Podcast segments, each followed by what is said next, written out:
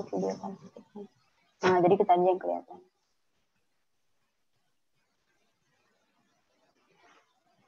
Live. Assalamualaikum. Assalamualaikum warahmatullahi wabarakatuh. Waalaikumsalam warahmatullah. Kak Sabel apa kabar Kak? Alhamdulillah baik. Apa nih rasanya nih kita kan Biasanya rame-rame. Iya rame-rame terus tiba-tiba berdua. Habis itu segmen baru ya ini ya. Dan ini pertama nih. Dan alhamdulillah banget ya kemarin banyak uh, curhatan dari apa teman-teman yang masuk kan kemarin tuh. Iya, jadi buat teman-teman yang belum tahu, mungkin kita tuh buka email teman-teman. Mm-hmm. Buat kalian semua yang mungkin mau curhat, mau ya mencurahkan isi hatinya lah gitu. Betul, betul. Cuman jangan lupa pertama ke Allah dulu baru ke kita ya. Bener-bener. Ya kita kayak apa ya tempat berbagi lah. Mana tahu kan teman-teman butuh ruang gitu ya. Uh-uh. Karena kadang suka sedih ya pas lihat di komen, ih nggak punya teman misalnya, ih bingung mau cerita ke siapa ya. Alhamdulillah ini ada wadahnya itu sering banget sih orang curhat misalnya tapi ada juga tuh kak kayak apa ya orang nanya ke aku DM nanya-nanya mm-hmm. tuh soal yang mungkin belum aku pelajari gitu. Jadi mungkin di sini kan kita lengkap nih informasinya. Kalau untuk mm-hmm. tentang fikih mungkin Kak Sabel bisa lebih paham gitu. Untuk mm. hal-hal yang lainnya mungkin kesehatan Kak apa kan karena dia, dia bisa ya mm-hmm. pokoknya uh, range-nya luas lah untuk pertanyaan seperti itu. Kalau masuknya ke satu orang misalnya ke aku gitu mungkin aku akan bingung jawab pertanyaan yang aku nggak tahu gitu nah kalau di sini lo cuman berdua tuh iya mbak cuma berdua gitu itu orang Jawa iya kan pakai toh cuma iya. berdua tuh Enggak maksudnya pas jadi... kita juga orang Jawa nih iya aku jadi kangen balik ke Jawa padahal sekarang di Pulau Jawa, Jawa ya iya sih ya Udah berapa nih yang nonton teman-temannya? Nah, aku sambil lihat dulu. Ya, aku tidak bisa melihatnya. Masya Allah. Jadi uh, teman-teman kalau misalnya emang ada yang mau diceritain, boleh banget sih langsung mm -hmm. masuk ke email kita aja. Emailnya mm -hmm. di inbox.soy at gmail.com. Jadi kita ada perubahan sebelumnya itu kita buka email namanya curhat.soy. Ada beberapa teman yang udah ngirim, cuma ada ada perubahan akhirnya kita ganti email gitu. Nah, semua teman-teman bisa um, apa namanya kirim emailnya ke inbox.soy@gmail.com gitu. Insya Allah yang masih bingung ya, tentang apa aja ya apa aja gitu kan ya ini nggak terbatas mau misalnya cerita hijrah aja cerita apa apa pun hmm. itu Insya Allah kalau sejauh ini ada tentang hijrah, ada keluarga, terus ada dari segi pendidikan ada, pendidikan, dari segi karir, dari segi kehidupan secara general gitu. Jadi santuy mantuy aja guys. Kalau mau ngobrol ya. Nah, tapi mirip Kanisa. Kanisa siapa? Bisa banyak. Aku banyak dimiripin sama orang-orang. Aku juga. Entahlah ya udahlah nggak apa-apa kalau baik mah ya amin iya amin apa tadi Dena mau cerita apa enggak aku cuma mau bahas nih hari ini kita temanya asik-asik oh, asik-asik seru gitu asik-asik hmm. seru sama aja ini pertanyaan yang apa ya uh, tema yang sering banget masuk gitu kalau ke aku pribadi ya tentang mungkin ta'aruf, tentang proses menuju pernikahan itu sendiri, tentang mm-hmm. hamil berapa, tapi aku ragu tuh ada aja pertanyaan-pertanyaan okay. kayak gitu. Mm-hmm. Nah ini ada pertanyaan yang udah masuk dan udah kita sortir ya kak ya. Mm-hmm. Insya Allah ada beberapa pertanyaan yang bakal kita tanyain hari ini. Yep. Gitu. Nah teman-teman yang lain yang belum terjawab mungkin hari ini terus pantengin ya uh, curhat soal deep talk ini nanti insya Allah bakal dijawab ya setiap segmen kita. Ya. Ya, betul. Karena Dan banyak aku, teman-teman. Aku ngelek nggak tadi? Oke, okay, mau hilang ya? Lainnya yang bisa menjawab ya. Oh iya guys, kita untuk jadwal sedikit sedikit udah aman. Oke okay, oke. Okay. Untuk jadwal jadwal kita di set kita ada di pekan kedua, ya pekan kedua ya, setiap di pekan hmm. kedua ya, dari hmm satu bulan. Apa sih bahasanya? ya setiap bulan, pokoknya selang seling. Kalau pekan pertama itu yang kita bareng-bareng, nanti dua minggu setelahnya gitu dan dua minggu setelahnya baru yang Oh, curhat ya. curhat deep talk Jadi ya deep talk. Ladies night sama deep talk ya. Biasanya kita Oke. ladies night nih pertama nih deep talk kita. Oke, gimana Kak? Kita mau langsung mulai aja? Oke, langsung mulai aja kayaknya teman-teman udah pada penasaran. Ntar aku share dulu ya kalau gitu. Oke, oke, oke. Siap. Kita mulai dari pertanyaan pertama. Hmm, bentar, bentar. Oke. Belum belum keluar ya? Bentar. Belum. Ya, kelihatan? Masih loading. Oke. Siapa nih aku eh, mau mau Oh iya, tanyain apakah Sabel? boleh boleh Dena dulu. Eh, atau aku dulu. Silakan, silakan. Kayaknya karena ini ya pesantren background pesantren. Oke, oke. Oke, aku bacain dulu. Ini inisialnya dari keluarga NK. Ya, emailnya juga udah kita sensor. Assalamualaikum Kak. Kak, aku mau cerita. Kenapa ya kok menurut sudut pandang dan pengalaman pribadi aku sendiri, setiap cowok yang katanya santri dan dia juga mondok, itu selalu aja suka modus ke cewek-cewek. Wow. Emang gitu ya? Oke. Awalnya ngedeketin ngedeketin kenalan, terus kayak dia bikin yakin banget kalau dia ada perasaan sama kita. Oke. Tapi tiba-tiba dia jadi cuek dan seakan-akan nggak ada apa-apa.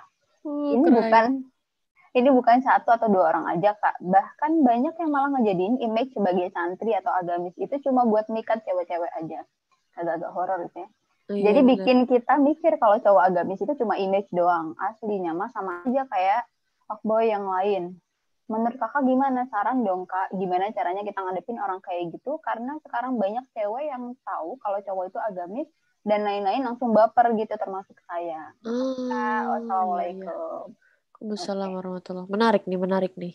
Mm. cowok agamis terus memikat hati cewek-cewek gitu ya terus bikin baper bikin baper. Heeh. Eh, sebenarnya kalau misalnya tadi dibilang eh, apa ya apakah maksudnya berangkat dari fakta tadi itu ya kalau setiap santri yang katanya mondok kemudian agamis tadi labelnya atau titelnya terus dianggap eh, atau punya kasus yang semua sama seperti itu kalau menurutku eh, mungkin kita tidak bisa mukul rata ya memukul sama rata. Tapi kalau dibilang kasus tadi atau apa namanya fakta tadi juga ada gitu ya karena saya juga pernah dapat cerita kayak gitu ya. Jadi aku pernah dapat cerita itu hmm, ya memang modelnya kurang lebih sama ya dengan ini tadi jadi kayak eh, apa ya playboy syar'i gitu kali bahasanya ya karena dia nggak kelihatan bener gitu kan misalnya ngechat nih ngechatnya ngingetin eh, tahajud misalnya gitu ya Oke, ngingetin, "Ayah harus tipikal ya. makan." ah gitu gitulah intinya mah Nah, Assalamualaikum waktu gitu ya. Ah, kayak- ya kurang lebih seperti itu Iya, iya, iya. ternyata yang di chat nggak cuma satu doang nih Den gitu kan banyak ternyata tuh akhirnya karena ya tadi ya mungkin eh, apa namanya udah ngerasa nyaman atau apa gitu ya ternyata tiba-tiba ngilang tuh kan rasanya kayak eh, apa yang dirasakan teman kita tadi ini ya jadi kayak Heeh, heeh. apa Iya, udah terlanjur baper terus tiba-tiba ngilang gitu Heeh, bener. Ya kalau menurut aku sih banyak juga sih ya terjadi seperti ini. Cuma lagi-lagi kalau misalnya kita coba eh, apa namanya detail kan gitu ternyata tidak semua seperti itu. Adapun kalau ada yang seperti itu ya ini jadi pelajaran sih kalau menurut aku ya buat kita. Kita kalau apa ya eh, tadi ya sebagai eh, pribadi atau perempuan tadi itu kalau bisa ya menghindari yang namanya apa ya hal-hal seperti itu maksudnya kita udah terlalu berharap gitu kan ya dan kalau tahu Heeh, heeh. hilang gitu itu kan jadi apa ya jadi beban kita juga nantinya gitu mending biasa aja gitu ya Iya, iya. Itu juga terjadi sih, Kak. Aku juga eh, pernah mengalami hal serupa mulai dari apa ya? Mungkin waktu itu aku lagi berkegiatan sama oke eh, teman-teman santri yang memang masya Allah gitu. Terus Mhm, begitu eh, ini case-nya di panggung ya, case-nya di Mhm. panggung begitu mhm. perempuan eh, ukti-ukti yang lihat itu Oke. kayaknya ah berteriak histeris Oh, gitu dan itu benar, benar, itu itu nggak sekali dua kali dan itu sering. benar. Aku nggak aku aku sih di situ apa ya nggak segan sih untuk mengingatkan teman-teman dijaga uh, Mm-mm. dari dari pandangannya dijaga karena kita wanita gitu karena kita Mm-mm. muslimah gitu kan Mm-mm. kita udah udah seharusnya kita udah tahu betul batasannya seperti apa gitu. Terus juga apa ya mungkin orang-orang kalau dari sisi aku yang anak hijrah ya kak mungkin orang-orang yang apa ya kan nggak semua santri itu kan show up di sosial media ya kak. Oke benar ada benar. beberapa aja. Yang itu mungkin masya Allah juga landasan untuk berdakwahnya gitu kan. harus kita apresiasi juga. Nah nggak semua orang itu memiliki circle yang tipe tipe tipenya tuh orang-orangnya kayak ngafal atau ah. misalnya yang uh, pemahaman agamanya keren gitu. Jadi kita ketika ngelihat cowok terus pemahaman agamanya oke, okay, terus juga dia ada di sosial media, itu rasanya kayak wah gila nih jarang nih orang nih. Gila gue mau kayak gini gitu. Jadi berpikirnya hanya ada or, uh, maksudnya orang-orang seperti itu jarang dan cuma dia doang gitu. kayak sisain satu yang kayak gini misalnya gitu. Sisain kayak gini ya benar okay. itu sih faktor-faktor utamanya karena mungkin circle-nya itu tidak di apa circle-nya tidak ada orang-orang seperti itu hmm. yang mungkin di circle-nya orang-orang yang mendalami agama cowok terus rajin sholat dan lain-lain itu hal yang biasa gitu kan. Hmm. ya jadi mungkin memang perbedaan kebiasaan aja, perbedaan uh, pengetahuan mungkin, perbedaan okay. background dan lain-lain sebagainya. Terus kalau hmm. untuk masalah yang playboy itu juga ada juga sih. Mm-hmm. Itu terjadi. Ya, pernah ada. Mm-hmm. Ya mungkin ini ya. Makanya tadi kalau apa namanya dia nanya, eh, kalau ditanya, terus gimana caranya ngadepin cowok yang kayak gitu? Nah, berarti ini kita kayaknya langsung ngebahas uh, apa ya? Memang uh, kita nggak bisa nih ya sebagai seorang muslimah juga kayak berinteraksi bebas ya sama lawan jenis jadi ada rambu-rambunya ternyata kalau misalnya ternyata dia chat terus modus tadi kayak gitu kita kayak justru yang muncul itu harus kayak yang ini ngapain orang gitu ya kenapa nih gitu kan ya mencet-mencet mulu gitu kan kakak bukan gitu kan satu bukan gitu ya. kenapa gitu kan what happened gitu nah, abang-abangan kan, syari kali ya. abang-abangan syari ya itu jadi kita kayak apa ya coba hati-hati dulu gitu ya jadi coba tadi benar kalau kata Dena tuh kayak uh, mungkin menjaga diri gitu ya. Jadi kalau bahasa, bahasa aku tuh kayak ada haibahnya, ada wibawanya gitu. Jadi kita nggak bermudah-mudah ria untuk chatting dengan lawan jenis gitu. Jadi coba di ini selain memang dalam syariat itu kan nggak boleh ya jadi karena belum mahram kan nggak ada kepentingan tertentu jadi kalau cuma sekedar chatting chatting basa-basi itu ya kita coba tinggalkan tapi bukan berarti kita sama sekali nggak chatting sama lawan jenis enggak kalau misalnya ada kepentingan ada keperluan tertentu ya yang itu urgent ya itu silahkan Iya, iya, iya. Itu jadi salah satu yang sering ditanyain juga sih ke aku. Waktu mm-hmm. dulu ta'aruf, sama mm-hmm. Hawa chat nggak gitu? Pernah nggak oh. komunikasi gitu? Oke. Okay. Ada, Terus? ya ada beberapa hal yang harus mm-hmm. dikomunikasikan. Ah, benar, benar, benar. Uh-uh. Nah, kita ada grup juga. Uh-uh. Uh-uh. Ada jadi, ada ini kan, ada perantaranya gitu yang nggak jadi nggak langsung berdua. Uh-uh, ada perantaranya juga gitu. Nah itu, gitu. jadi ya sebenarnya ini juga sih penjagaan buat kita ya perempuan karena tadi namanya perempuan tuh kan mainnya perasaan ya.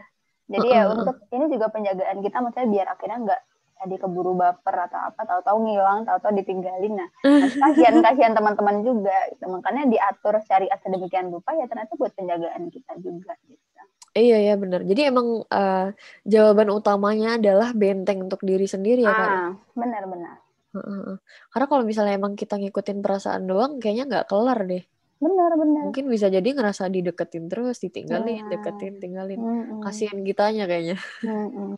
Iya, makanya kita coba apa ya, tidak menjadikan perasaan tadi sebagai standar ya, tapi kita coba dudukkan cari atau gimana sih ngaturnya gitu, boleh nggak sih kayak gini tuh. Ternyata dibalik semua peraturan itu emang sekeren itu ya kak ya dampaknya. Benar, benar. Terus Eh bukan Dan, dampak akibatnya ya. Uh, manfaatnya gitu. Ya. Manfaatnya. Ya Allah hmm. salah mulu nih diksinya. Oke. okay. Jadi kayak oh, kok hilang ini background.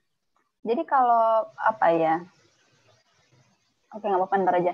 Jadi maksudnya gini, kalau misalnya kita mau memikirkan ulang, kadang emang nggak langsung kerasa ya uh, efek atau manfaat dari ketaatan kita itu. Karena nanti baru pas tahu-tahu udah berjalan berapa tahun gitu atau udah kita bahkan udah lupa oh ternyata kita baru bisa ngambil hikmahnya itu kayak gimana. Uh, uh, itu makanya masya allah banget. Iya iya. Ya semoga terjawab ya tadi pertanyaannya. Amin. Semangat ya buat kamu-kamu yang menghadapi itu semua. Yang bertanya ada nggak ini kira-kira di kolom komentar malu kali kak oke okay, bener bener bener ya kita anggap uh, apa namanya kamu lihat deh ya Oke, Tuh. cukup Kak Dena, lanjut. Oke. Okay. Pertanyaan kita, kedua ya. Kita next ya. Bentar. Aku sharekan lagi. Ini tadi udah. Kita next. Bentar. Oke, okay, silahkan Kak Dena baca. From DS, dari DS ya. Assalamualaikum kakak semua, admin curhat soy dari yukngaji.id. Saya DS, asal Lampung. Wah, itu rumah papaku dulu. Oh, Sedikit problematika dari saya yang sudah sekian lama tidak merasakan fase yang biasa dirasakan anak remaja pada umumnya, yaitu, eh bukan, ya jatuh hati. Kali ini sedikit berbeda kak. Saya memendam rasa kepada eh kepadanya yang sama sekali tidak tahu isi hati saya. Saya tahu, saya sadar situasi ini tidak salah dan wajar-wajar saja. Yang saya takutkan saya terlalu berharap lebih darinya yang belum tentu jadi milik saya. Bagaimana kak agar saya bisa tetap menjaga hati dan pikiran agar dia tidak terbayang terus di benak saya? Karena jujur sedikit sulit. Terima kasih kak, saya tunggu balasannya. Wassalamualaikum warahmatullahi wabarakatuh. Waalaikumsalam warahmatullahi wabarakatuh. Kalau gini case-nya dilema nih kak. Uh, uh, dari DS karena udah lama nggak udah lama nggak suka sama orang tiba-tiba suka gitu. Tiba-tiba demen ya. Terus takutnya kelewatan gitu ya. Iya terlalu tadi itu ya. Iya. Tapi muncul sering juga muncul pertanyaan nih kak. Boleh nggak sih kita tuh suka sama orang? Oh jadi aku ditanya. Iya. oke oke sebenarnya kalau suka kalau suka atau kayak kita kagum gitu ya itu kan hal yang manusiawi ya. Karena hmm. emang balik lagi kalau kita bicara potensi manusia nih. Ada tuh namanya apa kotor hayawiyah ya potensi hidupnya manusia itu ada yang namanya goriza atau gorois ada yang namanya uh, hajah utwiyah al hajatul utwiyah itu kebutuhan jasmani. Nah kalau kita bicara rasa suka itu kan masuk dalam naluri tadi itu. Salah yeah. satunya gorizah nau itu kan. Jadi itu hal-hal yang wajar aja kalau suatu saat suatu ketika dia muncul ya itu nggak apa-apa kita terima gitu cuma gimana akhirnya naluri-naluri yang muncul tadi itu kecenderungan-kecenderungan yang muncul kita coba alihkan karena gini, misalnya kita kagum atau kita suka sama seseorang. Kalau misalnya itu ibarat kata rasa itu dipupuk gitu ya, di iya. terus yeah. disiram terus, Siram inputnya nge-scroll apa tuh biasanya nge-scroll, nge-stalking. Ah, benar. Akhirnya apa? Jadi jadi numbuh perasaannya. Kalau misalnya mendengar suaranya ternyata udah tiba-tiba kayak baper. baper gitu ya atau kejang-kejang atau seperti apa gitu ya. Jadi karena sebegitunya gitu loh efek dari uh, rasa suka atau ya suka tadi itu ya. Jadi rasa tertariknya tadi itu sampai menghasilkan efek yang seperti itu. Nah makanya kita coba jaga. Ya karena uh, apa namanya yang halal gitu ya maksudnya yang diperbolehkan tuh suka itu ketika memang uh, nanti uh, berlanjut kepada apa namanya pernikahan gitu. Kalau misalnya sudah sangat membuncah tadi itu maka yang salah satunya cara yang halal adalah dengan melanjut ke pernikahan. Nah, gitu. Kalau enggak ya berarti kita coba stop. Oh ya udah sebatas kagum. Oh dia hafal Quran misalnya. Oh dia ternyata pinter gitu. Misalnya teman-teman di kelasnya. Oh ada yang pinter, ada yang ini good looking, uh, pinter bahasa oh, Arab, hafiz. Tadi kau dong. Iya. ya itulah ya. Jadi apa namanya sebatas suka aja kita kagum ya itu wajar manusiawi. Cuma gimana caranya itu nggak sampai tadi ya membuncah terus kayak mm Pokoknya nggak bikin bikin kita gelisah gitu ya karena sudah terlalu apa ya terlalu tinggi tadi rasa sukanya terlalu berlebih berlebihan. Iya iya. Hmm. Kalau untuk membatasi diri supaya kita nggak kepikiran sama uh, orang itu orang itu doang gitu. Mungkin nah. kita kayak kata Kasabel ya cari kegiatan, hmm. explore benar, diri, benar, terus mungkin ibadah ya kak. Dan ibadah benar. tuh sebenarnya nggak cuma yang fardiah doang ya kak. Benar benar. Nggak cuma yang mungkin kita taunya tuh orang umum eh, eh, apa namanya kita sebagai orang umum tuh taunya taunya ibadah tuh ya ibadah mahdoh aja ya yeah, kayak sholat puasa uh -uh, terus betul. ya itu tadi ya nah, padahal puasa, ibadah itu apa pun uh. itu ya aktivitas yang dilakukan karena Allah ya dengan niat karena Allah dan caranya juga cara yang benar kan gitu. silaturahim juga ibadah ya kak ya benar banyak kalau, kalau kita mau detailin ikut di sini gimana kak apa apa kalau teman-teman teman-teman pada nimbrung di sini nih terus niatnya emang pengen pengen cari ilmu oh, mungkin iya. dari kak mm -mm. Sabel Insya Allah ya Insya Allah itu juga ibadah kayak teman-teman yang nyimak ya pembahasan kita itu kan juga ibadah ya mendengarin kajian gitu. itu juga bagian dari ibadah hmm. Masya Allah ya jadi luas sebenarnya hmm. kak yang bisa dieksplor Benar, makanya banyak pintu-pintu lain yang sebenarnya bisa mengalihkan kita. Kalau misalnya ternyata sukanya tadi itu sudah berlebihan gitu ya, kita bisa coba alihkan dengan iya. kegiatan lain misalnya teman-teman mau eksplor potensi diri ya skill dirinya karena tadi kalau bicara terus kalau udah suka berlebihan mau siap nikah nggak ternyata belum siap misalnya berarti harus dialihkan dengan aktivitas yang lain misalnya entah itu tadi yang mengeksplorasi diri kemampuan diri potensi terus uh, fokus ke misalnya dalam hal ibadah tadi itu ya ranah ibadah ditingkatin kayak gitu. Berarti kalau memang udah ada perasaan kayak gitu, yang itu merupakan sebenarnya uh, hal yang wajar gitu ya kak sebagai mm -hmm. manusia. Uh, dan kita udah punya kesiapan untuk nikah karena nikah itu adalah adalah salah satu solusi dari agama itu sendiri. Kalau misalnya kita mm -hmm. udah merasakan perasaan kayak gitu ya segera nikah gitu ya. Ah, betul. Tapi kalau belum sibukkan diri untuk menyiapkan menyiapkan betul. hal ke depannya gitu ya, eksplor diri. Iya, iya ya sih kadang kita suka ini ya kak nggak tahu sama batasannya gimana nih gitu mm-hmm. terus gimana gue udah keterlaluan gitu nah aku waktu itu juga mungkin sempat ya mengalami masa-masa itu juga mm-hmm. yang udah terlalu kedemenan gitu yang udah ya biasalah anak muda ya mm-hmm. remaja gitu mm. itu uh, salah satu caranya juga dengan cara doa sih mm. ya Allah nah. jaga gitu mm-hmm. tadi ada nih yang komen di di kolom YouTube aku jadi inget nih di TikTok mereka kayak praktekin doa biar doi mendekat. Terus hasilnya doi oh, bener iya. Tahu kan ya Den? Iya itu viral. itu gimana tuh gak tuh? Aku juga lihatnya, oh gitu ya. Ternyata doa dijadikan tujuan untuk itu gitu. Iya iya ya. Aku ya aku baru keinget sih makanya oh iya ya. Apa itu benar dari Allah kak gitu ya? Wallahu alam ya. Kan Allah maha menggerakkan hati manusia. Cuma ya apa ya? kalau misalnya mendekatnya dalam artian apa dulu nih gitu ya. Kalau ternyata mendekatnya untuk misalnya menghalalkan ya itu bagian dari skenario Allah kan gitu. Kan nggak apa-apa ya misalnya kita mendoakan biar akhirnya oh ternyata dia maksudnya biar akhirnya dia menjadi apa pasangan kita gitu atau apa itu kan juga ya Allah alam ya ada bagian dari skenario Allah boleh ya? boleh. Tapi kalau tadi ya entah mendekatnya itu ternyata mendekat cuma untuk apa ya tadi ya seperti playboy syari Iya, iya, iya. Ya. Nah, itu kan apa namanya dipertanyakan. Jadi merugi kita doa yang harusnya doa bisa jadi hal kebaikan, doa yang mengarahkan kita kepada kebaikan, tapi malah uh, apa namanya ternyata efeknya seperti itu. Kayak kebaikan sama keburukan juga nggak akan nyatu ya kak? benar, benar. Aku juga ag agak blurry sih nontonnya iki piye maksudnya gitu. Makanya agak-agak gimana gitu ya ya nggak apa-apa lah. At least mereka berdoa ya. Kita doakan uh, saja. Betul. Caranya sih syari berdoa gitu. Tapi ternyata kalau dilakukan untuk ya apa namanya kemaksiatan ya itu apa ya, ya benar tadi kalau kata dia nggak akan bersatu sebenarnya ya. Iya, iya. baik ke apa yang hak dengan yang batil itu. Shebi mana? Di rumahnya rumahnya tetangga nih. Tetangga nih. Oh. Nah, ini aku jadi keinget nih, Den, kan ada cerita ya. Uh, salah sahabat ya, ketika dia itu pas lagi mau hijrah nih waktu itu, hijrah pertama kali ya, kalau muslimnya hijrah pertama kali itu kan ke ya. Nah, hmm. pada saat itu ada salah seorang sahabat yang dia itu motivasi hijrahnya, dia pengen hij ikut hijrah ke Habasyah karena ada satu cewek yang dia incer. Oh, gitu. aku okay. aku agak lupa namanya siapa, tapi ada kisah yang itu. Nah, kemudian apa? Nah, diingatkan gitu ya oleh Rasulullah ya, pada intinya barang siapa yang hijrahnya itu karena Allah, maka dia akan mendapatkan ya seperti apa yang dia harapkan tadi. Tapi kalau hijrahnya itu karena wanita dan dunia yang dia kejar atau harta itu ya dia hanya akan mendapatkan itu. Nah, okay. makanya mungkin kayak doa tadi kan kasusnya sama ya. Kalau kita doanya itu benar-benar untuk katakanlah benar-benar kita mengharapkan apa ya kebaikan lah ya dari Allah, insya Allah kita akan dapat itu pahala juga kita akan dapat itu. Tapi kalau ternyata ya. untuk seseorang itu aja misalnya, itu kita hanya akan mendapatkan apa yang kita harapkan tadi.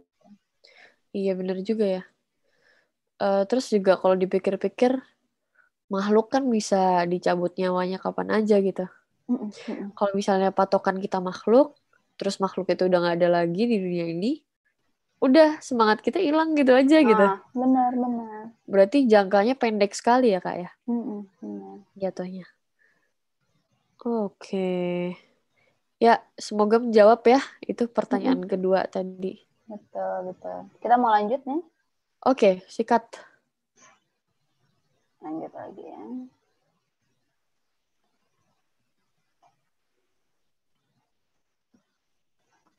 Hmm, bentar. Nih, from LT ya. Uh, Assalamualaikum warahmatullahi wabarakatuh. Selamat malam kakak, saya baru saja melihat postingan di Yuk ID. Saya mau cerita sedikit kak. Jadi gini, aku tuh suka sama laki-laki. Mungkin awalnya cuma karena tampangnya tapi lama-lama aku mencintai dia karena kesolehannya. Terus aku diam-diam mendoakan dia di setiap sholat saya. Apakah semua itu boleh kak? Soalnya saya nggak tahu caranya gimana buat nyampain perasaan. Makanya aku minta cara dan doa sama Allah menurut kakak apakah sah-sah aja kalau saya berdoa seperti itu? Terima kasih. Assalamualaikum warahmatullahi wabarakatuh. Ya oke okay. ini kayak sering jadi pertanyaan sih kak. Boleh nggak sih gue ngedoain orang yang gue suka? Boleh nggak sih nyebut nama di sepertiga malam gitu? Gimana nah, sih kak? Aku juga pengen tahu nih pandangannya nih. Jadi kalau terkait dengan ini ya, sebenarnya kan ada ada pendapat yang mengatakan kalau kita tuh doa tuh harus spesifik ya. Karena kita mau ya kalau misalnya bicara case kita hari ini ya tentang jodoh lah katakanlah gitu, mau yang seperti apa detailnya disebutnya itu boleh. Artinya kita tidak tidak kemudian membatasi ya uh, keinginan kita. Jadi kita minta detail sama Allah tuh boleh. Tapi kalau ternyata dengan meminta detail itu kita khawatir ada sesuatu yang misalnya gini, kita mau yang seperti A, B, C, D sampai Z gitu ya, klasifikasinya itu detail. Tapi ternyata apa namanya yang Allah kasih agak sedikit berbeda dari apa yang kita harapkan tadi itu. Karena kita sudah minta detail tadi itu. Nah, kadang-kadang khawatirnya kalau ternyata kita ya mengalami kasih seperti itu ya, takutnya kita malah jadi nggak bersyukur gitu ya maksudnya. Okay. Padahal udah dikasih yang bagus juga nih versinya Allah, yang terbaik versinya Allah. Tapi karena kita ada penilaian yang kayaknya ada yang miss tadi itu ya jadi kita masih nganggap itu tuh kurang nah hmm. jadi kadang-kadang uh, khawatirnya tuh gitu ya kalau ternyata ada yang sudah meminta detail tapi kemudian hasilnya atau apa yang didapatkan tadi itu beda dari apa yang dia harapkan sepenuhnya ya khawatirnya jadi kufur nikmat meskipun okay, sebenarnya nggak okay. apa-apa kalau misalnya doa detail tadi itu asalkan juga dibarengi dengan uh, apa ya bahasanya tawakal gitu ya. Jadi Berserah, ya? usaha uh, usaha doa harus tawakal juga Uh, Apa pun jadi, yang Allah kasih kita terima. Jadi sebenarnya itu bisa jadi opsi ya kak. Kita mau minta Betul. secara detail. Betul. Atau kita emang mau tawakal dari awal terserah deh yang terbaik hmm. menurut Betul. engkau gimana. Cuman Betul. harus lihat mentality dulu ya. Apakah ah. dengan dengan cara kita melihat detail ini kita bisa apa ya berserah kita bisa nerimo hmm. gitu kita bisa ikhlas hmm. atau enggak kalau sekiranya nggak bisa baiknya pilih yang tawakal hmm. dari Benar. awal gitu nggak pakai request ya nggak pakai diklat. Uh, uh, nah makanya kalau uh, aku pernah nonton sih yang pembahasan Ustaz Felix ya di ngaji jomblo. Jadi ngebahas tentang tadi ini hal seperti ini kasus seperti ini. Jadi kalau misalnya ada orang nih dia tadi pengen menginginkan seseorang lah misalnya akhwat atau ikhwan tadi itu ngincer A. Pokoknya pengennya A. Didoain terus gitu ya. Eh kok darulah ternyata A itu sama yang lain misalnya gitu. Akhirnya apa ya tadi kalau mentalitinya tidak tidak berserah sama Allah secara penuh dia akan ah pokoknya benar-benar nggak percaya lagi sama Allah ah, jadi bisa-bisa kayak gitu bisa, iya, iya. kayak apa udah nggak mau berharap lagi misalnya gitu padahal bisa bisa jadi Allah sudah menyiapkan yang lain kan harusnya gitu iya. Allah sudah ngasih yang lain penggantinya bisa jadi juga lebih baik uh, benar-benar jadi makanya uh, pun kalau dalam hal pernikahan gitu maksudnya yang terpenting adalah bagaimana kemudian visi misinya ya Nah, nanti mungkin dia juga bisa sharing gitu ya. Yang penting okay. adalah visi misinya nggak harus yang soal kayak pokoknya harus A ya A gitu kan. Karena Eh, menurut kita gitu ya menurut kita yang baik adalah yang A padahal bisa jadi itu bukan bukan pertimbangan secara logis tapi berdasarkan nafsu aja Oke, okay, ya ya ya.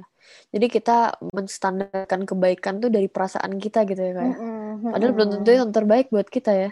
Betul betul makanya. Iya ya. Ini case aku juga ngalamin sih kak. Mm-hmm. Dulu tuh uh, apa ya? Waktu sebelum nikah emang aku tuh nyusun nyusunnya itu lebih ke perihal uh, hal-hal yang non fisik gitu. Okay. Kalau untuk ke depannya, kalau untuk fisik adalah kriteria fisik, tapi kriteria hmm. fisik dari aku cuma satu, lebih tinggi hmm. dari aku gitu. Oh. Oke. okay. Doang. Jadi orang yang mau kayak gimana ya terserah gitu. Cuman aku juga hmm. pernah ada di fase di mana memang aku tuh minta maunya seperti apa. Hmm. Dan mungkin uh, belum apa ya, belum mateng gitu ketika minta, okay. belum berserah sepenuhnya. Jadi ketika uh, permintaan itu nggak terkabul, ada rasa kecewanya gitu. Sempat di, di sempat di fase itu. Jadi aku relate hmm. dari apa yang Kak Sabil bilang. Okay. Oh ya. Terjadi ya berarti. Terjadi dan itu juga uh, kalau dengerin cerita teman-teman ya teman-teman juga merasakan itu gitu kecewa hmm. kok Allah jahat banget sih kok kok aku udah minta dia setiap malam gitu ah, gitu, gitu benar. ternyata emang indikator berserahnya harus di ini ya hmm. dan ketika aku beralih ke ya udah terserah Allah aja itu rasanya hmm. lebih lega sih kak Hmm, hmm, hmm. Tapi memang membutuhkan proses yang panjang untuk beralih hmm. dari yang tadinya kita ada permintaan hmm. jadi berserah gitu. Hmm. Jadi buat teman-teman take your proses aja betul, betul. Uh, santai makanya aja. itu apa ya hikmahnya tawakal tuh gitu Iya, jadi ya, namanya tawakal itu kan kita kayak ya wakalai wakil jadi kayak apa ya tawakulan kan gitu jadi kita mewakilkan urusan kita kepada Allah ibaratnya kita udah setelah berusaha setelah berdoa tadi itu udah kita serahkan kita titipkan hasil akhirnya sama Allah kita apa namanya ikut gimana kata Allah aja nanti hasilnya gitu. itu akan ngerasain apa ya ya tadi kayak mau dikasih yang sesuai ya kita alhamdulillah mau ada missnya dikit ya itu alhamdulillah karena itu yang terbaik dari Allah Iya, gitu. iya. kita akan tenang gitu apa namanya ngerasanya Kadang kita lupa ya. Jadi kita kesannya kayak ngatur Allah gitu. ah benar-benar Heeh, ya heeh. Allah Itu ya sempet banget tuh ngerasain. Dulu tuh aku aku berdoa ya Kak karena aku pengen masuk eh, waktu SMA ya. Aku mau masuk universitas mana gitu. Ya Allah, hamba pengen masuk universitas universitas ini tanggal segini. Eh, pokoknya bikin deh gitu. Pokoknya intinya gitu ya. Kata-katanya aku lupa. Cuman intinya adalah pokoknya bikin nanti kalau misalnya hamba buka eh, apa namanya pengumuman itu harus masuk gitu. Itu parah banget sih aku inget-inget ya Allah. Kok gitu banget ya. jadi Harusnya kita kita maksa gitu ya iya. Terus ntar ada rasa kecewa ketika nggak nggak nggak keterima ternyata. Harusnya tuh gini, harusnya tuh kita bilang ya Allah, hamba itu pengennya di sini. Tapi kalau memang belum terbaik menurut engkau, ya udah kasih hamba tempat terbaik gitu. Itu kalau dipikir-pikir kalau misalnya kita dari awal tawakal, masya Allah ya, punya pilihan tapi tetap tawakal gitu kan.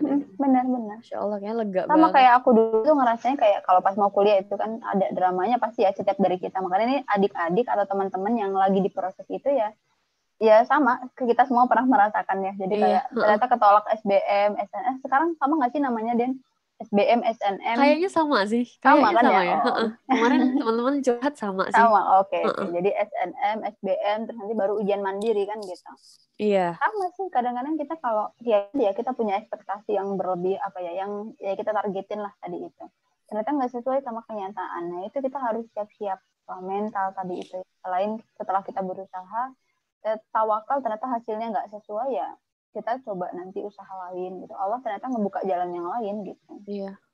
Justru kalau kita maksain dan kita masuk ke situ yang kita mau, nggak tahu kita benar, ke depannya. Mm-mm. Iya, iya. Ngerasain banget Sama kayak jodoh sih. Ya Allah, Iya. pengennya pokoknya dia, pokoknya dia gitu. Sisain satu yang dia ya Allah. Heeh. Ntar kalau gitu. apa teh doanya kalau misalnya kalau jauh dekatkanlah kalau eh gimana gimana doanya Aku lupa. pokoknya ada doa yang maksa gitu kan ya Iya, iya, iya, iya. oke oke ya gitulah. ya semoga menjawab ya di Iya. eh, LT Oke. kita inisial semua oke kita next dulu ya Wah, baru setengah jam. Udah banyak pertanyaan dijawab. udah banyak kayaknya ada ini juga nanti kumbang kembang Oke, kumbang Adena. kembang. Assalamualaikum, admin sister sisters of yours. Jadi adminnya itu kita semua ya guys ya. Sama aja kita semua. betul Perkenalkan namaku Kembang, nama samaran. Guys, BTW aku lagi pilek banget nih. Sorry ya kalau suaranya gitulah. Ya, saya pengen curhat tentang masalah yang saat ini benar-benar sedang menekanku. Saya seorang akhwat berusia 30 tahun, tapi belum juga bertemu dengan jodoh. Padahal Hmm. banyak teman sebaya yang sudah menikah dan Hmm. mempunyai keturunan. Bahkan teman yang usianya di bawah saya juga sudah mulai menikah. Dan saya sudah berikhtiar untuk mendapatkan jodoh seperti ikut ta'aruf online di website yang menyediakan jasa ta'aruf, meminta teman untuk menjadi perantara ta'aruf, meminta Mm. dikenalkan dengan teman dan sebagainya. Tapi selalu saja yang terjadi tuh kalau ada yang mendekat ketika saya suka dia nggak suka atau Hmm. dia suka tapi saya nggak suka atau kalau udah sering suka orang tua nggak setuju gitu terus oh ya Allah sampai saat Hmm. ini saya tetap rajin mengikuti pendidikan pernikah, mempelajari fikih pernikahan, membaca buku tentang parenting, menambah, menambah hafalan, meningkatkan ibadah guna mempersiapkan diri dan mem- memantaskan diri di hadapan Allah agar Hmm. Allah yakin bahwa saya sudah siap menikah. Masya Allah. Menurut Sisters of Yours, amalan atau ikhtiar apa lagi yang dapat saya dan teman-teman akhwat yang lain yang mungkin bisa yang juga bernasib sama lakukan agar dapat mempermudah mendatangkan jodoh. Semoga dapat terpilih untuk dijawab. Alhamdulillah dijawab nih ya. alhamdulillah terpilih masya Allah doanya terkabul Iya. Ini kayaknya sering jadi pertanyaan ya kak ya. Mm-mm. Udah ikhtiar sana sini, kok nggak nggak nggak nggak apa ya nggak gol-gol gitu istilahnya ya. Sebenarnya pertanyaan-pertanyaan yang masuk ini kayaknya semua relate ya sama kondisi teman-teman di luar sana siapa pun itu. Sister-sister. Jadi makanya kalau ternyata ada pertanyaan yang spesifik yang belum terjawab, coba aja pantengin mana tahu deh case-nya sama ya Kadena ya. Ya. Terjawab nanti. Heeh. Ya, tadi balik ke pertanyaan lagi. Udah ikhtiar sana sini gitu ya. Terus tadi kayak ada alurnya ya. Kadang aku uh, kitanya kitanya serak, dianya nggak serak. Atau dia serak, kita nggak serak. Atau sama-sama serak, orang tuanya nggak serak gitu aja terus misalnya gitu ya. Heeh. Sampai lebaran monyet kata orang. Iya. Kata iklan sih itu kata iklan. Ah, tadi kan. Ya Allah udah lama nggak nonton TV. Aduh. Ya gitu-gitu aja TV itu Dan. Ah. Oke. Bosan. Ikhtiar apa nih Den? Coba Dena dulu mungkin ikhtiarnya apa? Kalau aku emang ki eh, ini ya kak eh, suka atau enggak di awal. Jadi gini, kalau aku cerita tentang sekarang nih yang goal ya. suka atau enggak. Jadi kalau misalnya di, dimulai dengan kata suka atau enggak, dengan pertanyaan suka atau enggak, kita sebelumnya sama-sama biasa aja. Oke. Cuman yang saling memperkuatkan kita itu adalah istikharah. Hmm. Ternyata sama-sama yakin nih gitu. Nah, kalau misalnya indikatornya hanya suka, tapi mungkin belum istikharah, itu kan Mm-mm. takutnya kan mungkin kita mendepat, mengedepankan perasaan doang gitu. Hmm. Jadi kalau eh, dari aku sih mungkin caranya memang harus istikharah gitu. Karena Hmm. kita nggak tahu Benar, bisa bisa bisa jadi serak loh ternyata Mm. kita aku sama bang Hawa tuh ya udah gitu saya s- Mm. demen juga kagak tertarik kagak Iya. gitu istilahnya Mm, mm, ya Mm-mm. tapi emang setelah setelah istikharah setelah ngobrol setelah setelah mengetahui oh oke oke kayak nyambung nih kayaknya cocok gitu jadi memang eh, aku berusaha bisa sebisa mungkin yang diutamakan itu bukan hanya perasaan Oke. tapi juga logika gitu Mm. Jadi aku waktu itu memang apa ya kak, ini cerita open aja ya. Aku juga udah pernah cerita beberapa kali sih ke teman-teman. Memang saat itu aku ada dua dua pilihan, Mm-mm. satu bang Hawa, satu orang yang eh, aku suka gitu. Kalau bang Hawa aku nggak suka, tapi visinya nyambung. Mm. Kalau yang yang satu aku suka tapi eh, mungkin kurang nyambung secara visi, belum Oke. ketemu belum ketemu jalan Mm-mm. visinya gitu. Mm-mm. Sementara di saat itu aku mera- sudah merasa butuh untuk nikah. Oke. Terus aku istikharah dan aku minta ke Allah, ya Allah jangan engkau eh, libatkan perasaan hamba atau logika hamba. Karena kalau misalnya hamba melibatkan salah satu di antaranya, hamba udah punya jawaban masing-masing. Mm-mm. Jadi terserah engkau aja. Mm-mm. Jadi aku berusaha berusaha eh, ikhlasnya gitu di istikharahnya. Aku berdoa Mm-mm. jangan jangan condongin perasaan atau logika hamba gitu. Perasaan udah ada orangnya, logika udah ada orangnya nih Bang Hawa nih nyambung nih Mm. gitu. Mm-mm. Terus gimana solusinya? Kalau misalnya condong ke salah satu udah tahu nih. Jadi nggak Hmm. netral dong takutnya. Mm. Akhirnya ya minta yang terbaik gitu. Jadi kalau aku sih istikharah tuh yang paling penting ya kak. Benar. Indikatornya bukan cuma suka tapi istikharah. Jadi Allah Hmm. tunjukin yang terbaik. Benar. Untung Karena Bang kan- nggak nonton. Orangnya di situ. Kan kalau doa doa istikharah itu kan ya Allahumma ini astakhiruka bi ilmika. Jadi kita itu apa ya? Memilih itu juga karena petunjuk Allah gitu. Maksudnya bukan karena apa ya? motivasi ya atau kayak uh, perasaan tadi itu yang dilibatkan karena emang jujur akan ngerasa kalau udah dilibatkan perasaan itu di awal tahu-tahu ternyata nggak jadi misalnya gitu ya. Itu sama kayak cerita tadi ya, mungkin nyesek atau seperti apa gitu. Karena kita coba netral dulu gitu kan ya Den. Iya, iya. Kalau aku sih dari awal ngobrol sama Bang Hawa tuh kayak jangan kecelakaan rasa, jangan kecelakaan rasa gitu. Oke. Mungkin itu terjadi di beberapa, orang dan orang-orang Mm-mm. yang mendapati itu bisa sangat dewasa menyikapi perasaan yang udah ada dari awal gitu. Cuman kalau aku memang waktu itu memilih untuk nggak mau punya perasaan dulu dan nggak ada sih emang Iya. gitu. Jadi eh, aku takutnya aku nggak bisa menjaga gitu kak. Mm-mm. Karena Emang namanya sih. cewek kalau udah suka ya. Aku soalnya Ah, tipikal ah. susah suka orang. Jadi kalau udah Ah. suka tuh takutnya kayak Ah, susah, susah gitu move on atau gimana. Kayak move on. gitu. Oke, oke. Hmm. Terus tadi kalau misalnya pertanyaannya ini ya, terus gimana ya eh, cara atau amalan untuk lebih mempermudah jodoh? Kalau amalan atau doa khusus emang ada ya Den? Kalau aku pernah? Aku mintanya dipertemukan di waktu yang tepat gitu iya, aja. gitu ya. Maksudnya uh-uh. mungkin gini yang dimaksud adalah ya doa-doa apa pun itu ya. Uh, maksudnya itu teman-teman coba langitkan atau doakan atau ya tadi ya minta sama Allah di waktu-waktu yang mustajab. Oh nah, iya. Kapan sih waktu mustajab itu ya misalnya pas hujan atau Jumat ya hari Jumat pada asar gitu. Kalau ternyata hari Jumat pada asar hujan, nah itu udah triple, triple iya, combo. Iya benar, combo, betul. Terus apalagi ah sepertiga malam gitu ya kayak waktu itu sepertiga malam yang udah kita bahas. Jadi eh, coba kita langitkan kan gini sebenarnya eh, teman-teman mungkin pernah dengar ya ada quote gitu ya. Eh, kalau kita belum serius bangun tahajud gitu ya, kemudian meminta sesuatu sama Allah, maka bisa jadi apa yang kita inginkan tadi itu belum belum belum betul-betul yang serius bagi diri kita maksudnya jadi kita kayak main-main antara iya dan enggak. Tapi kalau coba kalau misalnya apa ya kita tuh beneran serius beneran ingin mengharapkan tadi itu misalnya punya keinginan yang betul-betul kita inginkan gitu lah ya. Kita langitkan misalnya seperti dua malam tuh khusus untuk berdoa itu maka insya Allah nanti apa namanya Allah akan bukakan jalannya. Tapi kapan itu tadi ya kapan itu waktunya itu kan Allah yang tahu ya. Iya. kita lagi nggak bisa mendikte karena tugas kita kan ya meminta meminta karena kalau kita terus mempertanyakan ya Allah kapan sih karena aku udah berdoa gini ya kan kita nggak tahu karena jawabannya Allah itu kalau untuk setiap doa bisa jadi dikubul, eh, dikubulkan dikabulkan sekarang ya atau apa namanya ditunda gitu atau nanti diganti dengan yang lebih baik gitu. Iya iya itu jawaban karena dari doa ya. Benar jawaban dari doa gitu.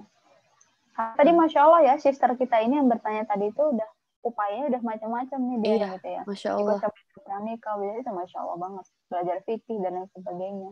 Itu kan memang amunisi ya, jadi kita nggak nggak ber, berbekal pokoknya pengen mah pengen gitu ya tapi ada iya. ilmunya iya. juga kan bener bener uh, insya Allah kematangan itu didapatkan dari mencari ilmu juga ya kak bener, bener. aku ini sih review ya tujuh bulan nikah apa enam bulan aku lupa uh, ada banyak hal yang sudah selesai oke okay.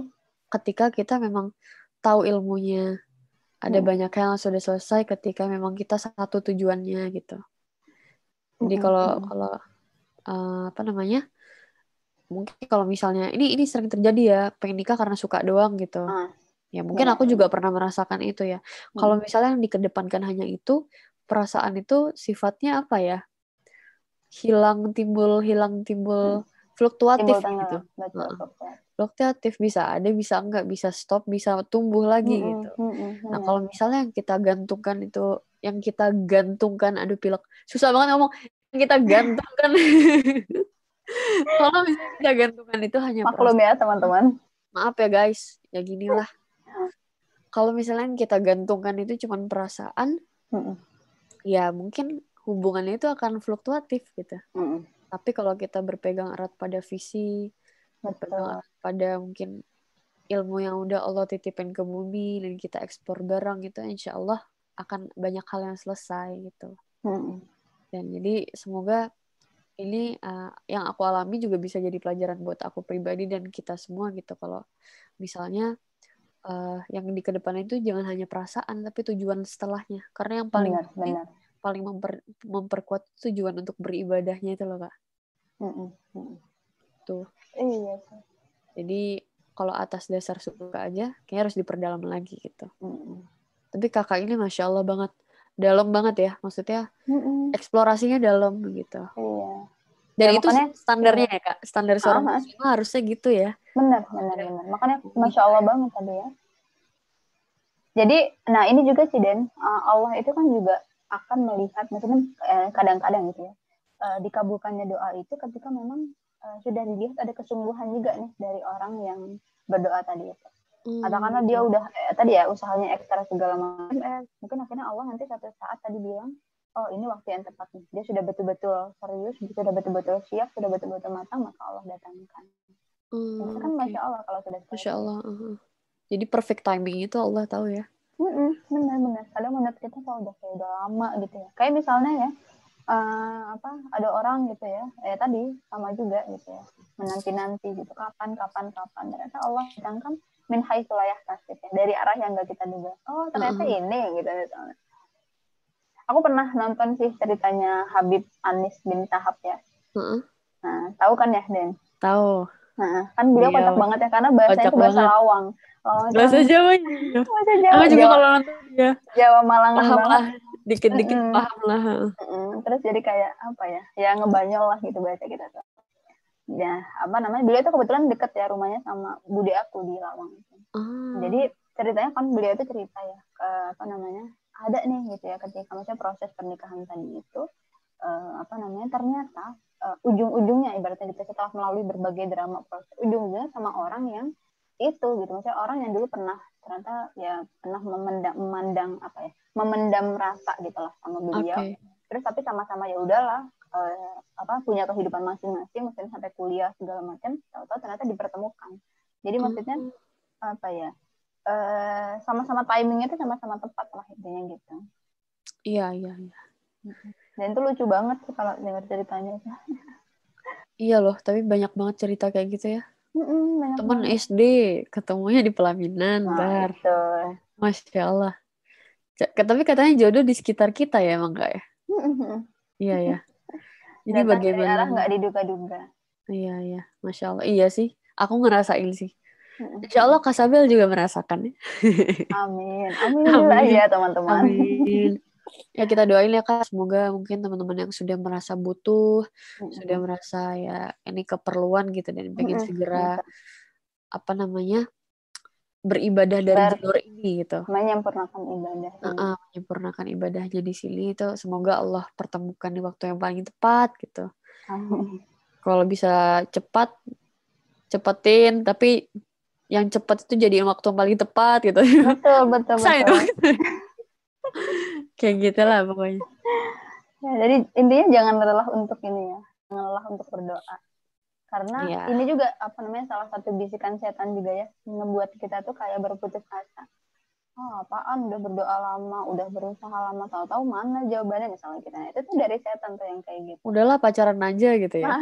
Bener Iya, bener. iya. Akhirnya udah kan jelas nih kalau misalnya pacaran atau apa kan udah jelas nih orangnya mah bakal dia gitu. Padahal kan belum tentu juga ya. Heeh, Benar-benar. Hmm, jadi itu dari setan sih kalau bikin kita tuh berputus asa jadi nggak mau berdoa lagi nah itu kan jadi apa ya bahaya juga ya Betul.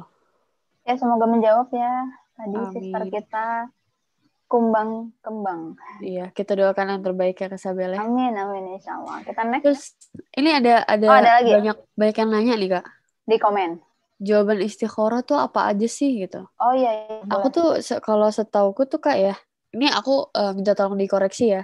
Mm-mm. Pertama, kalau yang aku tahu lewat eh, mimpi. Habis itu perasaan. Habis itu dimudahkan. Itu benar nggak Kak? benar benar benar Benar ya kayak gitu ya. Iya, waktu itu dimudahkan prosesnya gitu kan prosesnya dimudahkan. Mm. Alhamdulillah aku waktu itu mengalami itu semua guys. Jadi ya gitu deh. Ternyata betul nikah juga. iya jadi kadang-kadang ya itu Allah tuh ya tadi ya lagi-lagi kan ngasih sesuatu jawaban tadi itu min haitsu la yahtasib dari arah-arah yang kayak kita duga iya, eh ternyata dia misalnya gitu ya dia mah misalnya gitu jadi nanti karena suka ada kebetulan-kebetulan lain lah intinya gitu ya Itu terjadi aku sudah merasakan itu sangat Masya Allah guys. Semoga kalian merasakannya juga guys. amin terus ini ada ini Den ada yang lucu komennya. Jodoh di sekitar kita di manakah dia Bukalah yang- pintu kamarmu. Mungkin ada tukang bakso di situ. ada yang ngomen jangan tetanggaku gitu. Ya Allah. Ya itulah teman-teman. Berharap dah lu pada. tetangganya siapa gitu. Ya ada lagi yang komen sedih. Sekitar saya udah berkeluarga Yo, ya sekitar itu kan sekitar di mana pun ya bukan Oh, iya. tetangga Iya iya iya. Tapi eh, aku paling salut sih kalau misalnya orang ketemuan eh ketemu sama jodohnya tuh di pengajian gitu kak di majelis ilmu itu sering Betul, banget ya. masya Allah Mhm. Itu masya Allah wah ya ternyata yang satu frekuensi itu akan ketemu juga akhirnya ya. Gitu. Oke kita mau next kak. next ya Yuk lanjut. Oke MR aku ya from MR Assalamualaikum, perkenalkan nama saya Mika, usia saya sekarang 30 tahun. Dan saya belum menikah, saya memiliki dua saudari perempuan. yang satu apa nih yang satu 28 tahun uh, dan satunya lagi 25 tahun. Dalam hati saya selalu merasa bersalah karena kedua adik saya pun belum menikah dikarenakan tidak ingin mendahului saya. Saya pun merasa bersalah kepada kedua orang tua saya karena mereka selalu mendapat omongan yang kurang baik dari orang sekitar, termasuk dari pihak keluarga. Saya pernah ikut program ta'aruf, memakai aplikasi perjodohan, dan berteman dengan pria juga tidak pernah menutup diri. Tapi kodarullah mungkin menurut saya waktunya saja belum tiba. Saya ingin bertanya, adakah cara agar saya bisa terus sabar sembari menunggu waktu yang baik itu datang? Masya Allah. Terima kasih. Wassalamualaikum warahmatullahi wabarakatuh. Eh, Dena ke mute. Tes, tes. Oke, okay, aman. Ini penama, penanya cowok pertama ya? Oh, ini ini cowok ya? Cowok. Punya adik perempuan dua. Oh iya ya, kok? Iya. iya, iya, iya. Iya, jadi cowok tanya juga is okay ya, Kak? Jadi, uh, apa ya? Tadi kayak kayaknya juga sama ya ceritanya. Jadi udah uh -huh. berusaha gitu ya. Terus intinya kemudian pertanyaannya adalah gimana nih ya biar sabar ya dalam prosesnya gimana nih biar apa sembari menunggu apa sih yang bisa dilakuin kayak tadi banyak ya sebenarnya yang udah bisa kita share ya kalau mungkin uh, share pengalaman pribadi juga ya gitu ya. Kayak apa sih yang kakak tunggu tuh sekarang gitu kan. Kayak uh, ya lagi-lagi emang suka banyak yang bertanya kenapa sih kok kakak belum nikah? Kenapa ya? Kalau misalnya ditanya kenapa kenapa kan kita wawahu alamnya itu kan ranahnya Allah. Kita nggak tahu nanti ke depan seperti apa. Tapi akhirnya coba yang mau aku sharing adalah apa nih yang kita lakukan sambil menunggu tadi itu. Banyak hal gitu ya yang bisa kita lakukan tadi kalau apa namanya sempat aku singgung di awal ya. Kita bisa coba mengeksplorasi diri kita. Ya pada poin kayak misalnya teman-teman punya passion apa ya? Suka nulis ya suka hmm, apa ya? Mungkin aktivitas yang lain lah mengembangkan misalnya bisnis atau apa pun itu belajar lagi itu silahkan. Yang artinya kita nggak akhirnya kepikiran terus gitu ya. Atau maksudnya sembari menunggu proses tadi itu sembari melakukan kegiatan yang seperti biasanya. Gitu ya. Jadi nggak seolah-olah akhirnya kita mutung gitu ya nggak ngapa-ngapain gitu tadi karena sambil menunggu sih ya udah nunggu aja gitu ya nah, kan nggak begitu jadi akan merugi nanti apa namanya usia kita ya umur kita ternyata habis untuk penantian yang ternyata dalam masa penantian itu pun kita nggak melakukan apa-apa Oke oke. Ini ada yang banyak yang bilang nih cewek nih kayaknya. Cewek Berarti ya? aku yang salah. Uh. Tapi ya maaf ya. Kalau namanya bisa. Juga, namanya Mika. Kayaknya namanya gitu. unisex ya. Hmm. Itu ya, kak. Terus sister kita tadi yang bertanya tadi. Iya iya. Terus ini juga sih kak kalau misalnya yang melihat pandangan sosial memang ya. Mm -hmm. Kan di Indonesia ini ada ada stigma bahwasanya nggak okay. boleh melangkahi kakak. Mm-hmm. Uh, ada stigma bahwasanya kamu kok udah tua kok belum nikah gitu kan. Mm-hmm. Biasanya kan kayak gitu. Itu terjadi mm-hmm. ya. Mm-hmm. Dan itu uh, kasiannya adalah ketika kalau misalnya sudah sampai ke telinga orang tua kita. Mm-hmm. Karena nggak semua orang tipikalnya bisa cuek bodoh amat kan. Mm-hmm. Nah, dan ini terjadi di sister kita tadi ya. Mm-mm. Ya, jadi memang kalau misalnya kita ngikutin stigma sosial ya kak, kayaknya nggak nggak keluar ya kak. Mm-hmm. Apalagi yang masalah nggak boleh ngeduluin, nggak boleh mm-hmm. loncatin dan lain mm-hmm. sebagainya. Sebenarnya di Islam ada nggak sih kak kayak gitu kak? Nggak ada sih sebenarnya aku juga nggak pernah dengar. Gak karena ada, tapi ya? memang tadi ya itu kan karena kayak udah jadi adat atau kebiasaan yang membudaya. Terutama kalau di Jawa sih ya, Jawa juga gitu ya. Jadi kayak harus mbaknya dulu misalnya gitu ya yeah, nggak yeah. boleh ngelangkahin misalnya. Uh, padahal mah kata kita juga ya nggak ada nggak ada maksudnya kan ya kalau datang duluan ya silahkan gitu kan ya nggak ada dalam Islam itu kayak harus berurutan gitu ya dari anak yang paling tua enggak Iya iya. Jadi memang kaitannya sudah sama takdir juga ya bagian dari takdir betul, ya kayak. Kode betul betul. Insya Allah dah. Jadi kurang ya. lebih begitu. Ini lucu banget nih komen-komennya teman-teman. Cewek, iya bro, cewek bro. Iya, oke okay, oke. Okay. Maaf maaf. Jawa kental banget adatnya, iya.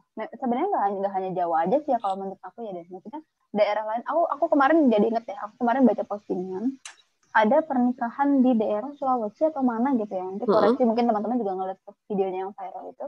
jadi dia itu ternyata karena ada satu mungkin kan biasanya ada kayak urutan nih adatnya tuh harus dari A B C segala macam Oke. tapi ada satu yang terlewat satu atau dua yang terlewat akhirnya apa pengantinnya pingsan terus kesurupan nah kesimpulannya kesimpulannya nah makanya aku aku agak-agak bingung gitu kesimpulannya di postingan itu tuh bilang ini nih karena salah satu ya apa tuh rut, ri- apa ya ritual ya ritual bahasa itu ritualnya nggak dijalankan. Akhirnya apa kena bala. Nah itu. Kan biasanya emang ada ya ternyata kalau nikahan tuh aku waktu itu pernah sih menghadiri kan maksudnya teman aku aku punya teman gitu ya teman aku nih hijrah. Kemudian tapi keluarga itu masih keluarga di Jawa. Jadi waktu itu aku sampai ke Jawa Tengah ya untuk jadi panitia pernikahan dia pada saat itu. Mantap. nah ceritanya sekalian jalan-jalan gitu ya Heeh. Nah, apa namanya? Kita sampai betul-betul coba ingin memastikan karena dia tadi sudah hijrah, tapi ternyata keluarganya masih memegang adat tadi itu. Jadi kita Oh. setiap ada ini nih, kayak misalnya tuh apa kan biasanya kalau di di pernikahan Jawa itu juga misalnya nih ada pohon pisangnya dikasih apa gitu ya. Ada yang misalnya kayak dikasih sesajen atau apa gitu. Jadi ada ada Oh, aja gitu. iya iya iya iya iya. Tahu Nah, tahu aku, tahu. aku juga nggak hafal sih apa aja. Cuma akhirnya kita berusaha untuk mengamankan hal-hal seperti itu tadi. Memang niatnya mungkin tadi ya kayak untuk menjaga biar nggak ada apa ya tolak bala ya bahasanya ya. Iya. Padahal sebenarnya juga ya semuanya itu kan terjadi sesuai kehendak Allah ya. Jadi Betul. ternyata kita sudah melakukan hal seperti itu detailnya tahu-tahu tetap terjadi ya kan apa ya di luar kendali kita gitu. Betul. Dan itu bisa jadi ini nggak sih? Dan bisa jadi syirik gitu kan ya jatuhnya. Iya. Mhm. Jadi kalau misalnya udah sampai kesurupan di case yang video tadi, Mhm. bisa jadi udah ada kaitannya sama jin ya, Kak? Maksudnya udah Betul, perjanjian gitu ya? betul, betul. Udah janjian gitu antar adat dan ya. Mm-mm. Mungkin Eh, bisa jadi kayak gitu. aku unstable ya. Tes, Tadi tes. tadi sempat sempat nge-lag tapi sekarang udah enggak. Oke. Sip. Emang jadi Kak suaranya kecil lah. Suara siapa nih yang yang Terus ada yang Kak Bila nikah umur berapa? Aku belum menikah, guys. Kamu kok ngeledek kamu? Kak Bella suaranya kurang jelas. Oh, aku ketik-ketik ya. Bentar ya. Iya. Eh, masuknya ke Dena jelas nggak? Tadi sih ada yang ada yang bilang suaraku lebih besar sih. Oh, oke, oke. Tapi oke. kalau di di aku oke. Mm-mm. Nah, karena kita pakai headset kali ya, jadi Iya. oke aja. Iya benar. Bentar aku deketin ya. Ya jadi gitu teman-teman, maksudnya kita masih hati-hati ya. Nah makanya ini waktu itu aku inget banget ya, salah satu ustazah aku ketika di Malang tuh cerita pada akhirnya gini, maksudnya ketika misalnya kita berhijrah gitu ya, kita berhijrah, kemudian intinya berubah tadi itu ya, berubah menuju pada kebaikan, nah kita harus perhatikan juga ada aspek-aspek yang udah mulai kita bisa cicil untuk kita dakwakan kepada keluarga. Salah satunya ini terkait dengan konsep pernikahan kita Iya. misalnya pas sudah hijrah tadi itu kan mau pernikahan konsepnya syar'i gitu ya, yang nggak ada adat adat istiadat tadi itu, kemudian yang katakanlah intisal pam, nah itu nanti kita pembahasannya lain lagi ya terkait syariat pernikahan, tapi kurang lebih umumnya begitu.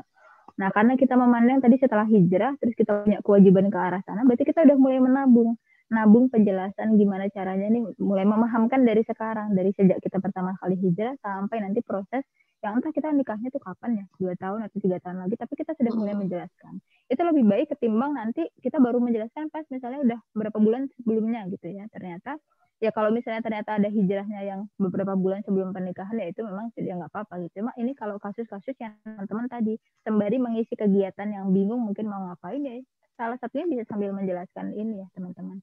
Jadi memahamkan kepada keluarga tentang konsep pernikahan yang kita inginkan itu seperti apa yang sesuai dengan Islam. Nah itu jadi jadi apa ya? Jadi eh, maksudnya bisa jadi fokus yang apa ya luar biasa gitu ya sembari mengisi waktu tadi itu. Dan Jadi waktu itu jangan karena Iya, Hah? sorry Kak. jadi waktu itu karena dia itu orang Jawa lagi-lagi orang Jawa gitu ya. Dia itu eh, akhirnya ngajak ngomong tuh sejak awal dia hijrah tadi itu yang nikahan itu kalau nggak salah lima tahun setelahnya setelah dia lulus kuliah. Tapi waktu itu baru awal kuliah dia hijrah. Kemudian dia sudah mulai bilang nih sama orang tuanya. Apa yang dia katakan waktu itu? Eh, beliau ya apa yang beliau katakan waktu itu setelah saya katakan ya apa namanya kan sambil ngajak diskusi ya ke orang tuanya. Jadi tidak dengan bahasa menggurui tapi coba ngajak ngobrol aja. Dibilang bu kan pernikahan itu sekali ya seumur hidup. Iya. Pernikahan itu kan sebenarnya bagian dari ibadah ya? Iya kata ibunya tuh gitu. Boleh nggak misalnya aku tuh menjalankan ibadah nanti eh, men- apa menjalankan proses menuju ibadah tadi juga dengan ketaatan ya harusnya begitu kata ibunya gitu Heeh, Masya masuk ya maksudnya ya akhirnya kan. Jadi kan cara apa sampainya. namanya apa ya nyambung gitu ibunya mikir ya juga ya terus akhirnya di situ baru masuk Sorry kak, Oke. tapi kayaknya ada yang pada bilang nih kecil suaranya. kecil suara Apa eh, kalau headsetnya dikeluarin aja kali kak? headsetnya dikeluarin aja Oke, Heeh. Biar kita kembaran gitu. bentar ya kalau gini kalau gini gimana teman-teman sebenarnya ini udah udah paling dekat ke ini sih ke Iya, tadi kayak mendem gitu sih. Aduh susah banget Oh, mendem, mendem mendem. Oke, Kalau di. Jawa mabok ya.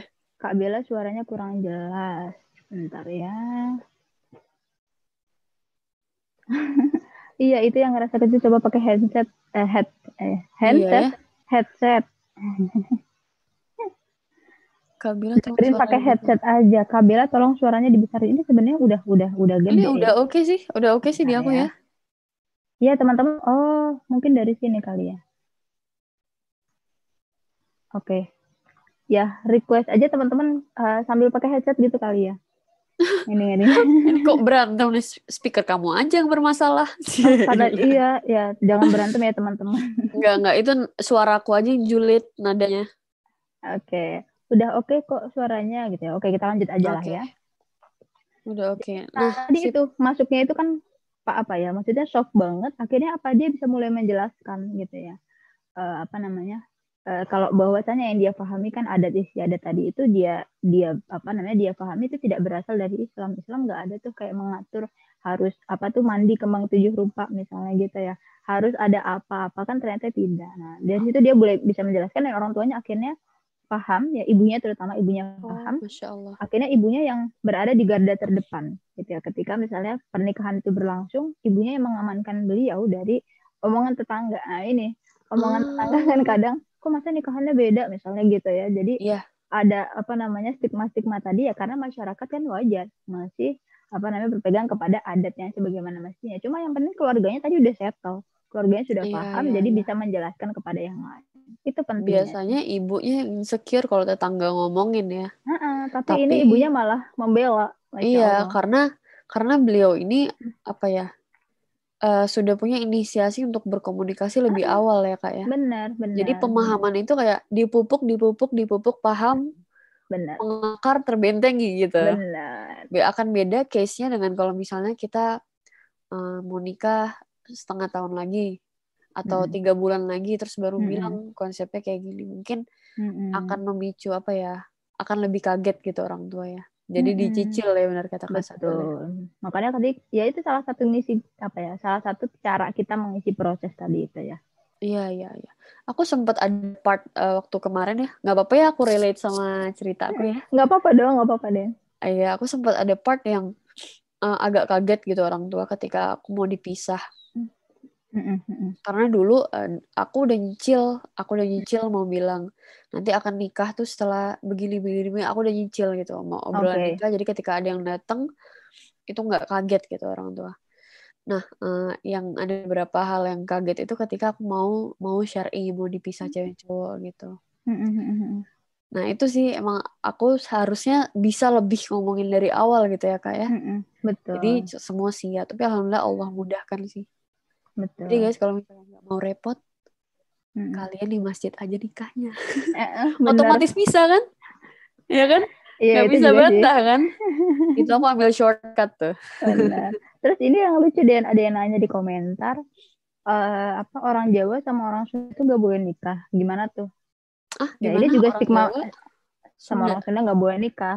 Oh Kan kalau ada yang piye bilang, "Mm-mm." maksudnya ya tadi masih ada stigma di masyarakat ya, misalnya kayak orang orang Jawa sama Padang gak boleh nanti jadi apa keras gitu atau seperti apa. Padahal mah sebenarnya apa ya, nggak ada gitu ya yang mengklasifikasikan seperti itu.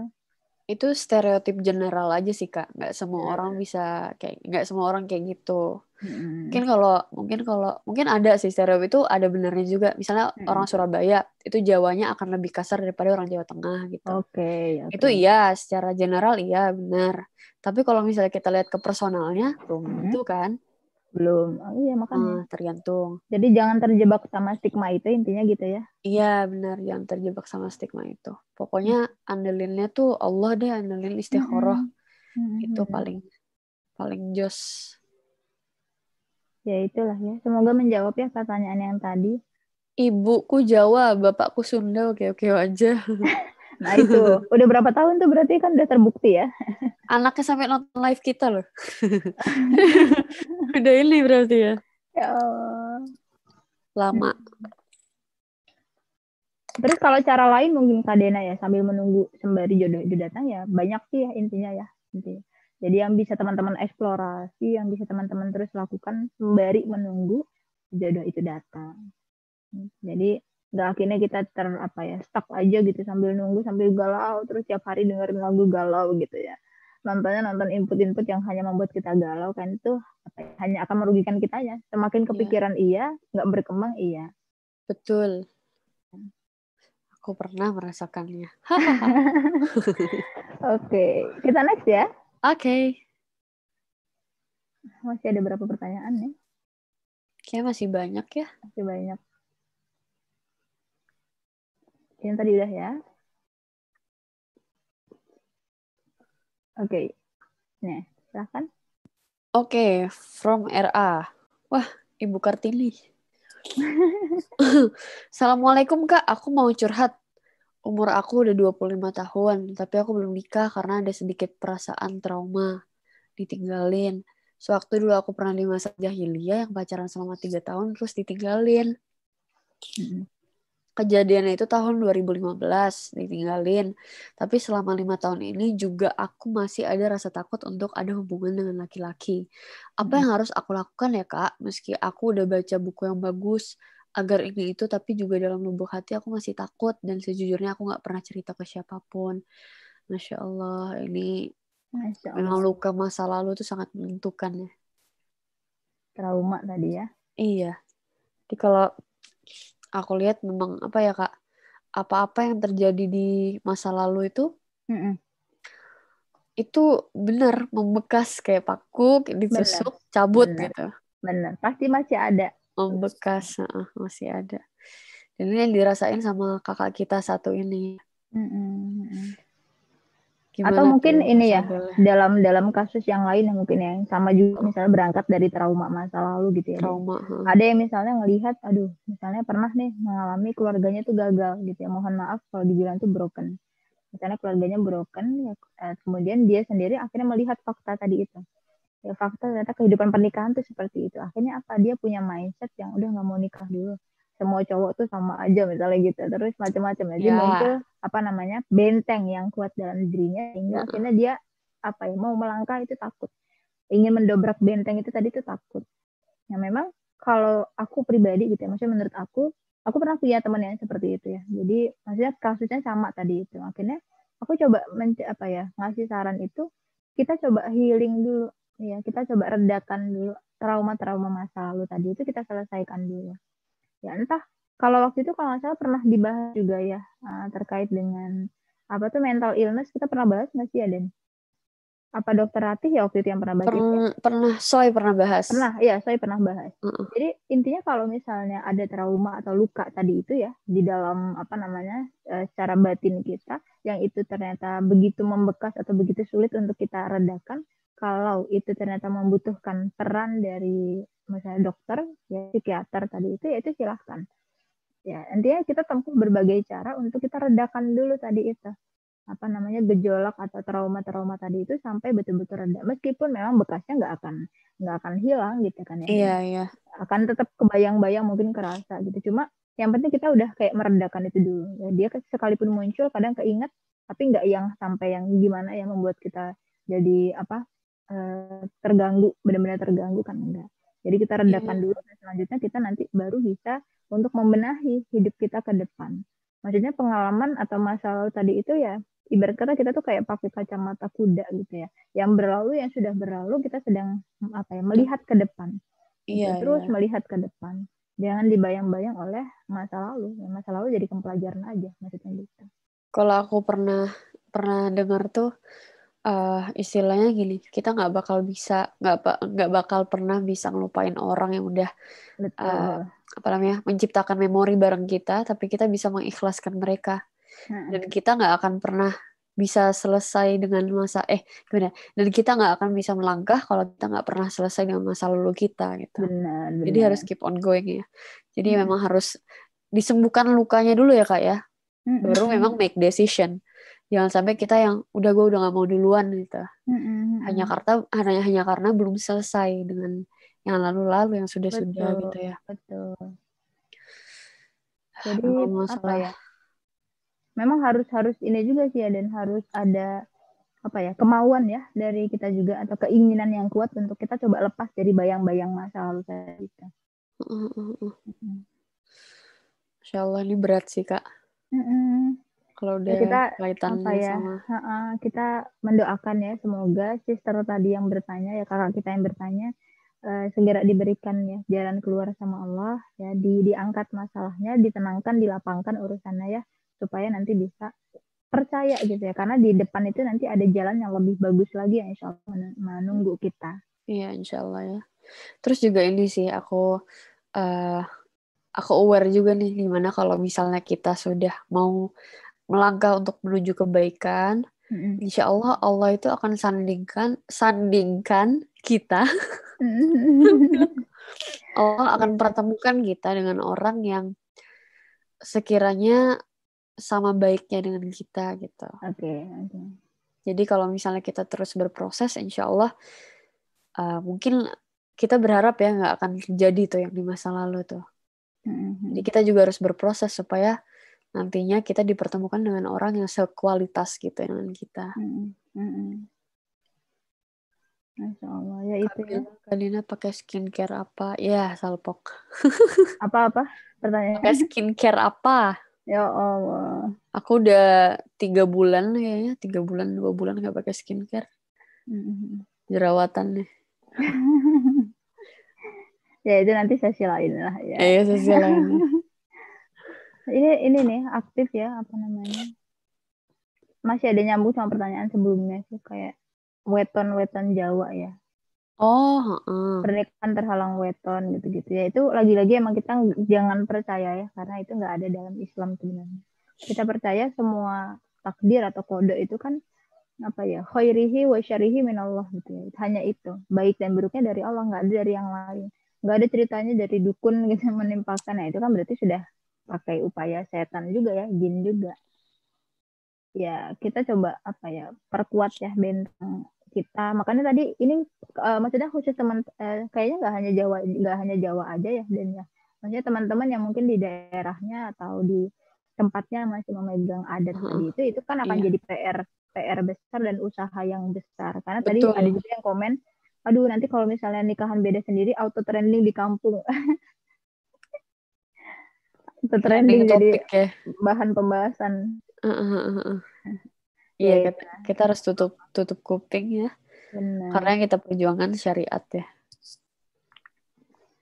ya Aku juga, aku juga eh, waktu kemarin nggak pakai seserahan itu ada aja sih yang, ah yang- iya itu. Eh, kan biasa orang-orang pakai seserahan. ada cerahan Aku Yang tuh nggak itu mau. kan hadiah gitu ya konsepnya. Hadiah. Aku nggak mau karena aku nggak butuh apa-apa waktu itu kan. Soalnya suka sayang kak orang beli kayak sepatu atau beli tas, tapi itu cuman untuk dipajang di luar gitu. Padahal nggak butuh gitu kan. Mm-mm. Aku aku sayang juga kalau kayak gitu. Mm-mm. Akhirnya aku nggak pakai seserahan. Ada aja yang bilang seserahan itu bentuk dari harga diri kita loh, kayak gitu gitu. Ada aja, maksudnya ada masih pemikiran kayak Iya. gitu. Tapi ya udahlah, ya aku nggak butuh. Aku ja- aku jawab aja Mm-mm. sesuai dengan prinsip yang ada gitu. Mm-mm. Alhamdulillah sih, emang Iya, harus bagus. kuping guys. memang harus iya sih benar tadi ya apa namanya eh, per- apa ya siap mental lah ya Heeh. gimana omongan orang gimana persiapan diri kita juga menghadapi hal-hal yang karena gini kita kalau ngomongin hidup tadi itu yang ngomongin apa yang akan terjadi di hadapan itu kan banyak ketidakpastian gitu ya Betul. termasuk. Sebelum menikah atau sudah menikah pun kita akan selalu dihadapkan kepada ketidakpastian. Dan hanya ada satu yang pasti itu yaitu Allah. Nah karena kenapa kita masih bergantung kepada satu zat yang pasti tadi itu? Doanya dikencengin ibadahnya dikencengin kan gitu. Dalam proses tadi ya teman-teman atau dalam eh, kasusnya teman-teman yang teman-teman alami itu apa ya kita berusaha eh, terus melibatkan Allah. Jadi biar nanti Allah yang tata semuanya gitu. Masya Allah ya kak ya. Mm-mm, makanya. Ya itu nasihat buat aku juga gitu ya. Iya iya. Mm. Emang kalau misalnya ya gitu deh kalau misalnya menggantungkan apa-apa itu ke yang ke Allah aja mm-hmm. yang pasti dan maha memberi kepastian gitu ya mm-hmm. masya Allah iya oh, atau ini juga deh aku kepikiran tadi sama pertanyaan kakek yang tadi apa yang dikendalikan untuk mengendalikan eh apa yang dilakukan untuk mengendalikan rasa takutnya mungkin untuk biar nggak trauma lagi kira-kira ada saran nggak ya kalau dari aku sih tadi itu ya coba healing self dulu Iya, pertama tuh self healing sih. Emang kita ya uh, yang kita yang kita harus lakukan untuk melangkah itu adalah menyembuhkan langkah kita yang di awal dulu gitu. Oke. Eh, apa ya? Menyembuhkan uh, men luka. Iya, oh. menyembuhkan luka gitu. Supaya langkah-langkah selanjutnya itu kata, kalau kata orang Jawa tuh jangkep gitu. Gimana ya? Apa ya istilahnya? Apa ya? Antep. Antep ya. Iya, antep gitu. Apa ya? Settle lah itu ya gitu. Settle, mantep gitu. Maksudnya berjalan itu akan lebih enak ketika kita tidak membawa beban masa lalu kan. Mm-hmm. Nah terus yang kedua kalau dari aku itu memang kita perbanyak ilmu sih kak. Karena dari ilmu-ilmu tadi itu kita mendapatkan inner apa ya inner power gitu kekuatan Betul. dari dalam. Betul. Itu aku ngerasain banget kalau misalnya nggak nuntut ilmu misalnya nggak nuntut ilmu nih jadi rasanya kayak kosong banget kok gue gak gini gini gini ya gitu hmm. kalau mungkin belajar belajar itu akan kerasa lebih uh, apa ya bukan powerful tapi kayak lebih keisi gitu Benar. hatinya dan lebih tertata. dikuatkan gitu tertata Benar. lebih dikuatkan karena ada standar yang kita tuju gitu dari kehidupan ini Benar. ada pengaturan yang yang yang jelas gitu mm-hmm. tapi kalau misalnya kita hidup-hidup aja lah santai selalu sejalannya tapi nggak tahu kita seharusnya seperti apa eh, kita nggak tahu Allah itu ngarahin kita ke mana ya mm-hmm. bakal acak adul gitu mm-hmm. dan yang ditakutkan kan udah kelar nih masalah sama masa lalunya tapi kita melangkah tanpa tanpa arahan dari Allah oh, bisa okay. jadi acak adul takutnya mm-hmm. gitu jadi mm-hmm. memang ilmu sih mm-hmm. penting juga malah nyasar nanti ya malah nyasar benar nggak tahu arah jalan pulang betul butiran debu. lanjut. kita lanjut ya. Ya. Semoga tadi menjawab pertanyaan sister kita. Kita next dulu. Oke. Okay. Nah, ini agak panjang ya. Dari uh, seni xxx at gmail.com. Assalamualaikum warahmatullahi wabarakatuh. Perkenalkan, namaku SIF saat ini aku sedang tertarik dengan proses ta'aruf, alasannya karena aku pengen mendapatkan pasangan dengan jalan yang diridai oleh Allah. Mengingat nikah itu adalah ibadah terpanjang dan godaannya luar biasa, kata orang-orang. Sebenarnya aku juga sering dengar kajian-kajian yang membahas tentang ta'aruf, tapi itu menurutku masih secara teori. Untuk praktiknya aku belum terlalu paham. Nah, kebetulan kemarin kakakku, Ahwat, mencoba untuk ta'aruf dan aku menyaksikan langsung bagaimana prosesnya. Yang aku lihat ketika kakakku ngeblank. Bingung apa yang mau diomongin dan apa yang mau ditanyain. Ini mungkin waktu uh, waktu nazar gitu kali ya, pas ketemu, nah bingung atau ngeblank, oke. Okay. Terus karena aku juga tertarik untuk ta'aruf, aku nggak mau sampai ngeblank gitu. Pengen dipersiapkan hal-hal apa saja yang mau diomongin boleh nggak sih kalau kita siapin pertanyaan buat taruh meskipun belum tahu kapan dan siapa orang yang bakal taruh sama kita. Wah, keren. Terus dari sisi akhwat, pertanyaan apa yang ideal untuk ditanyakan saat taruh?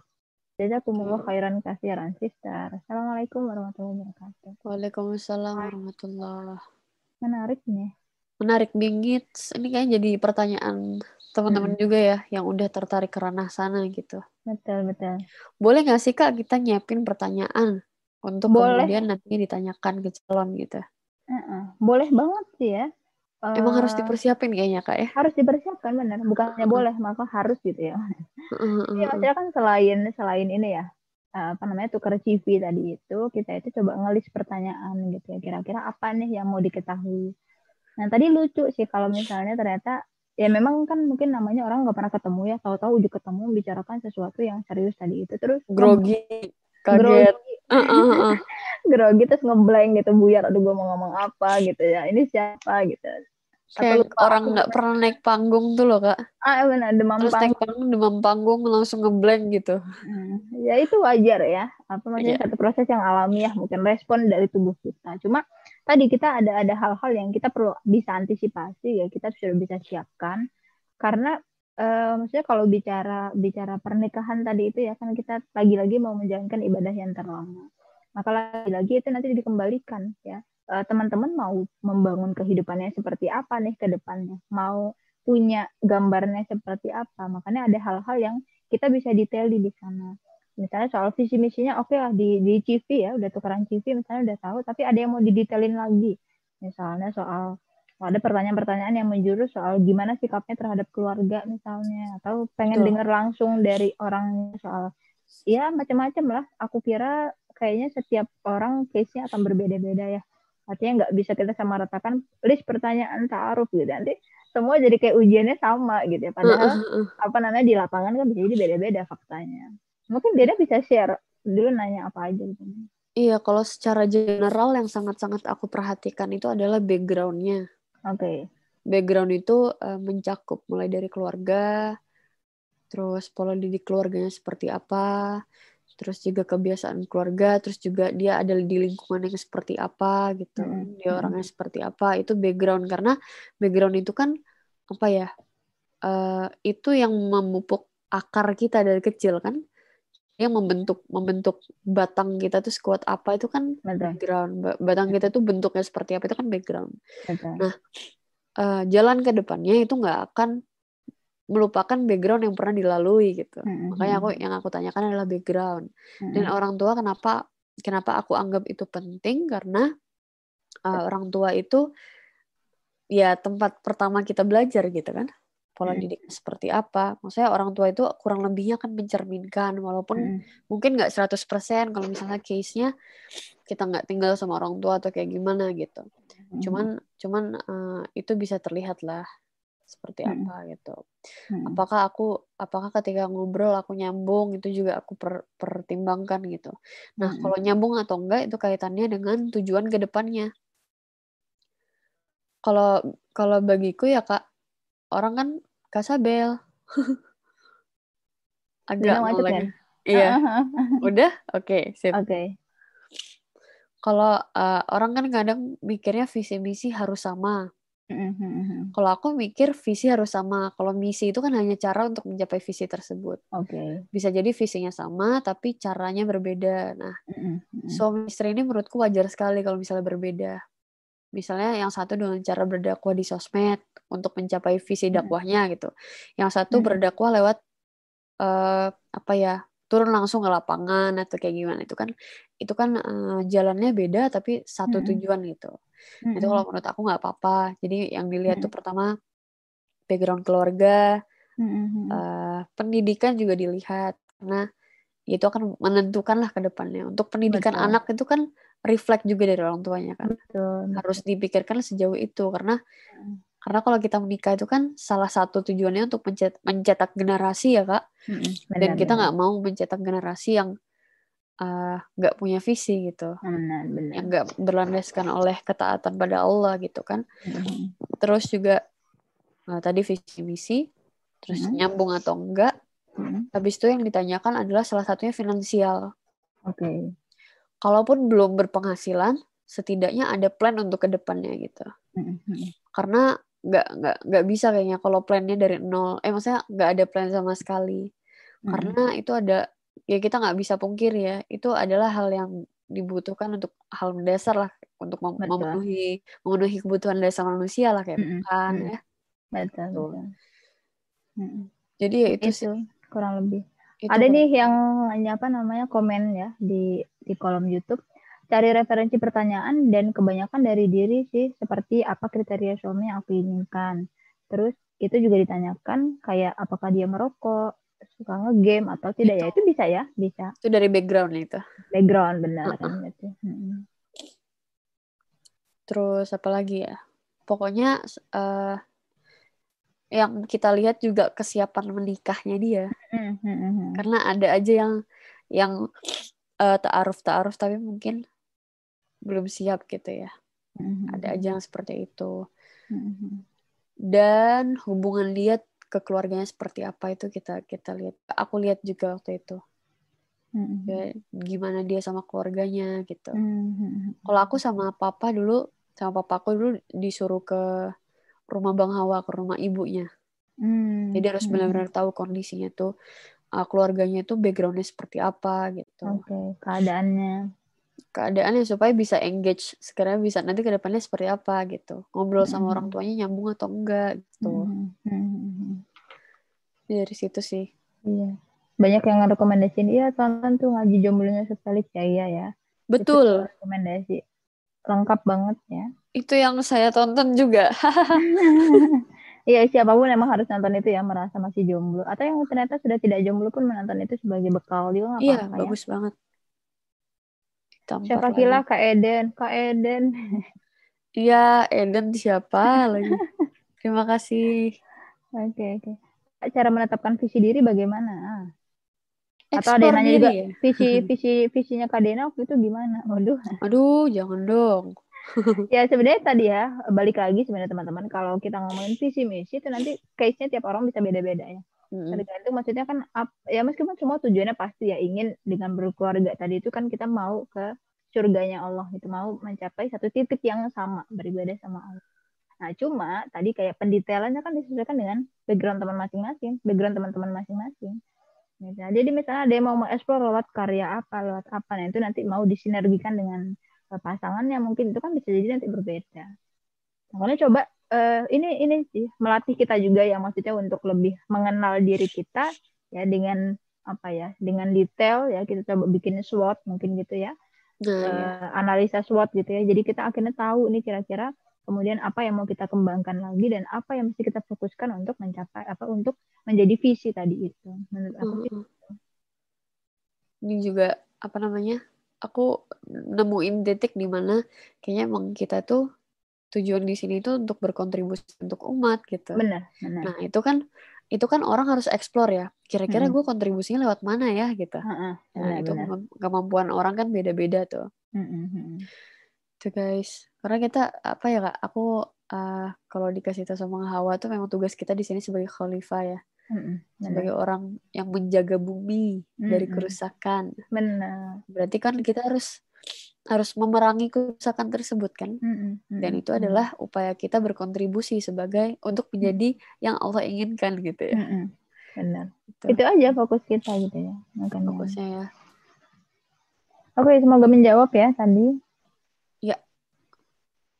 Ya. Hmm, ya, ya, ya. Nah, moga-moga dapat yang Robi Habli Minas Soleha. Apaan sih? Tahu nggak apa artinya Robi Habli Minas Soleha? Itu anak kan? iya maksudnya soleh. ini doanya doanya apa gitu ya? Oh maksudnya Betul. ingin dapat pasangan yang soleh, punya, punya anak apa istri nih?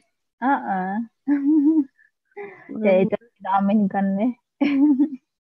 Hmm. Doanya kan Robi Habli Minas Solihin. Iya. Rabbana hablana min azwajina wa dzurriyyatina qurrata ayun kan gitu. Itu doa ajib sih. Mm -mm. Iya, aku sempat tuh dijelasin juga ya terkait dengan doa itu sama guru mm -hmm. Jadi kan Rabbana hablana min azwajina wa dzurriyyatina qurrata ayun waj'alna lil muttaqina imama. Ini doa yang kayak kalau kita pahami detailnya itu kayak bikin merinding.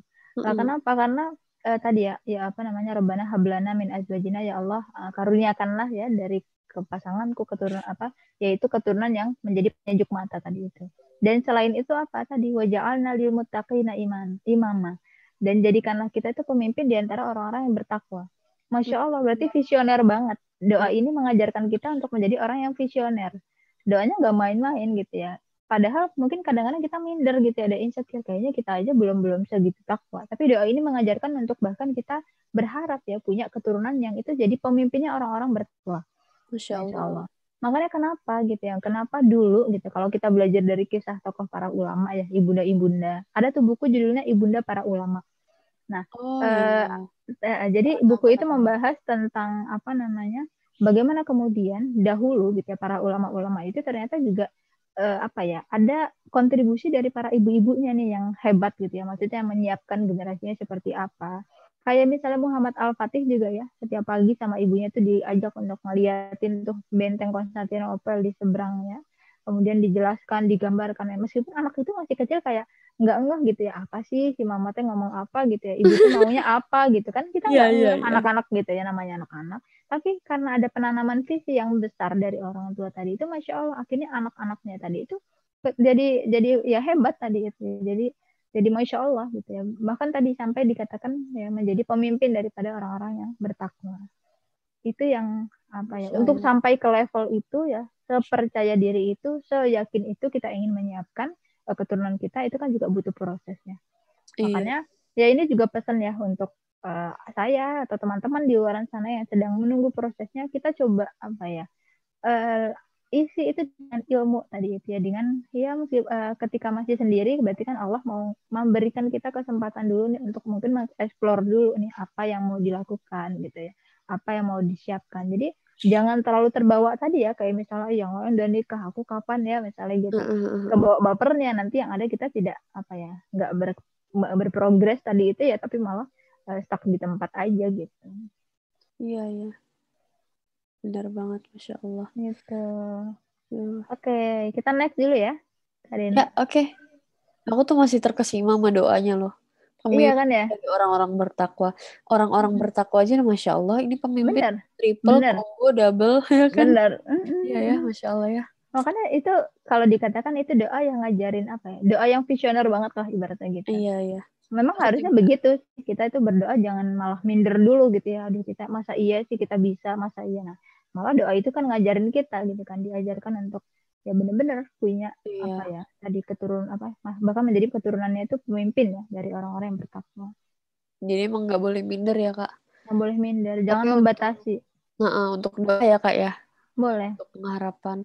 Tapi Hmm. di, digenjot juga dengan apa usaha kita memantaskan untuk menjadi di posisi tersebut ya, Kak ya. betul betul Soalnya takutnya kita doa-doa doang. Mm-mm. Kagak ada usahanya. Percuma. Iya, eh nggak ada percuma deh, nggak ada yang percuma. Nggak ada. Oke. Aku share dulu lagi nih coba ya nah From Mer. Mer. Mer. mer Assalamualaikum, perkenalkan Kak saya, ya itu, dari Cimahi. Saya ingin bercerita Kak, saya punya teman wanita yang sudah menikah dan pernikahannya sudah berjalan selama tiga bulan. Oh, masih baru ya Kak ya. Mm-mm. Teman saya selalu curhat tentang suaminya dan keluarganya karena dia tinggal di rumah mertuanya. Mm-mm. Curhat dari perlakuan suaminya terhadap dia, dari perkataan suaminya yang kalau ada masalah suka membentak dan mengancam. Mm-mm. Kalau suaminya duda tidak masalah kalau istrinya pulang ke rumah. Orang tuanya, suaminya pun tidak masalah. Suaminya senang jika seperti itu karena merasa bebas. Dan suaminya sering mengomentari masakan istrinya yang tidak disukainya. Hmm. Perlakuan keluarga suaminya terhadap teman saya bisa dibilang tidak baik. Saya sebagai teman, temannya suka bingung. Aduh aku pilek Mhm. banget kak, sorry kak. Mm-mm. Bentar ya. Oke, yang apa aku lanjutin ya? Eh, saya sebagai temannya suka bingung kak kalau teman saya curhat tentang masalah rumah tangganya.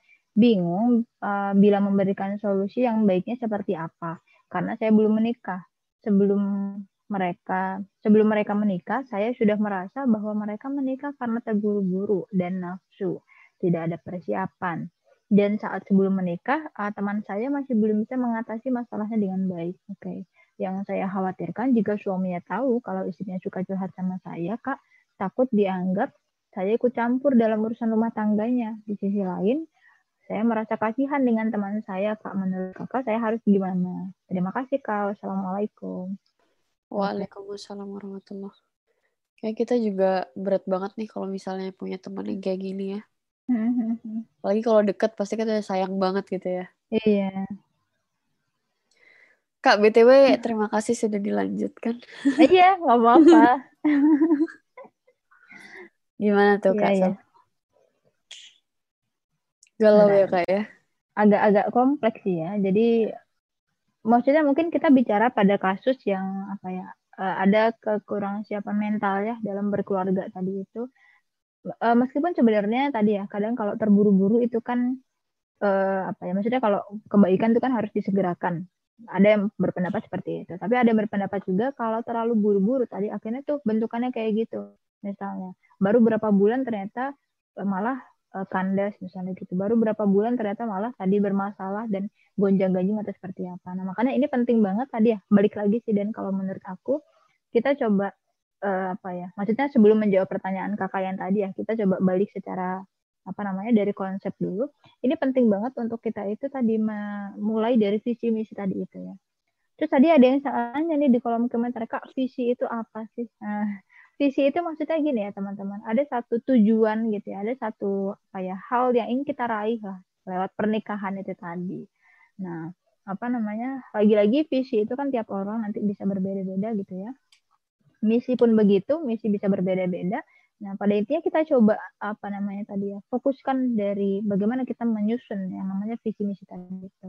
Karena kalau ibaratnya gini, kalau kita mau melakukan satu perjalanan gitu ya, terus kita itu cuma bawa petunjuk itu sekedarnya, cuma bawa patokan itu sekedarnya. Akhirnya apa di tengah jalan misalkannya ada hambatan, oh ya udahlah kita ngikut arus aja. Oh ya udahlah kita ke mana ke mana. Akhirnya terbawa atau terombang ambing tadi telah bahasanya yang walau alam jalan akhirnya itu nanti akan seperti apa apakah ternyata malah menyelamatkan kita atau ternyata malah menjerumuskan kita ya makanya itu penting banget dari awal fondasinya harus settle dulu visi misinya coba dikomunikasikan. Kalau ternyata nah ini juga di pengalaman gitu ya dan. Maksudnya ada yang kemarin kalau nggak salah tanya juga meskipun pertanyaannya nggak diangkat di sini tapi uh, masih ingat gitu ya kurang lebih. Jadi ada yang gini ceritanya uh, ibaratnya dia itu menikah tadi itu ya.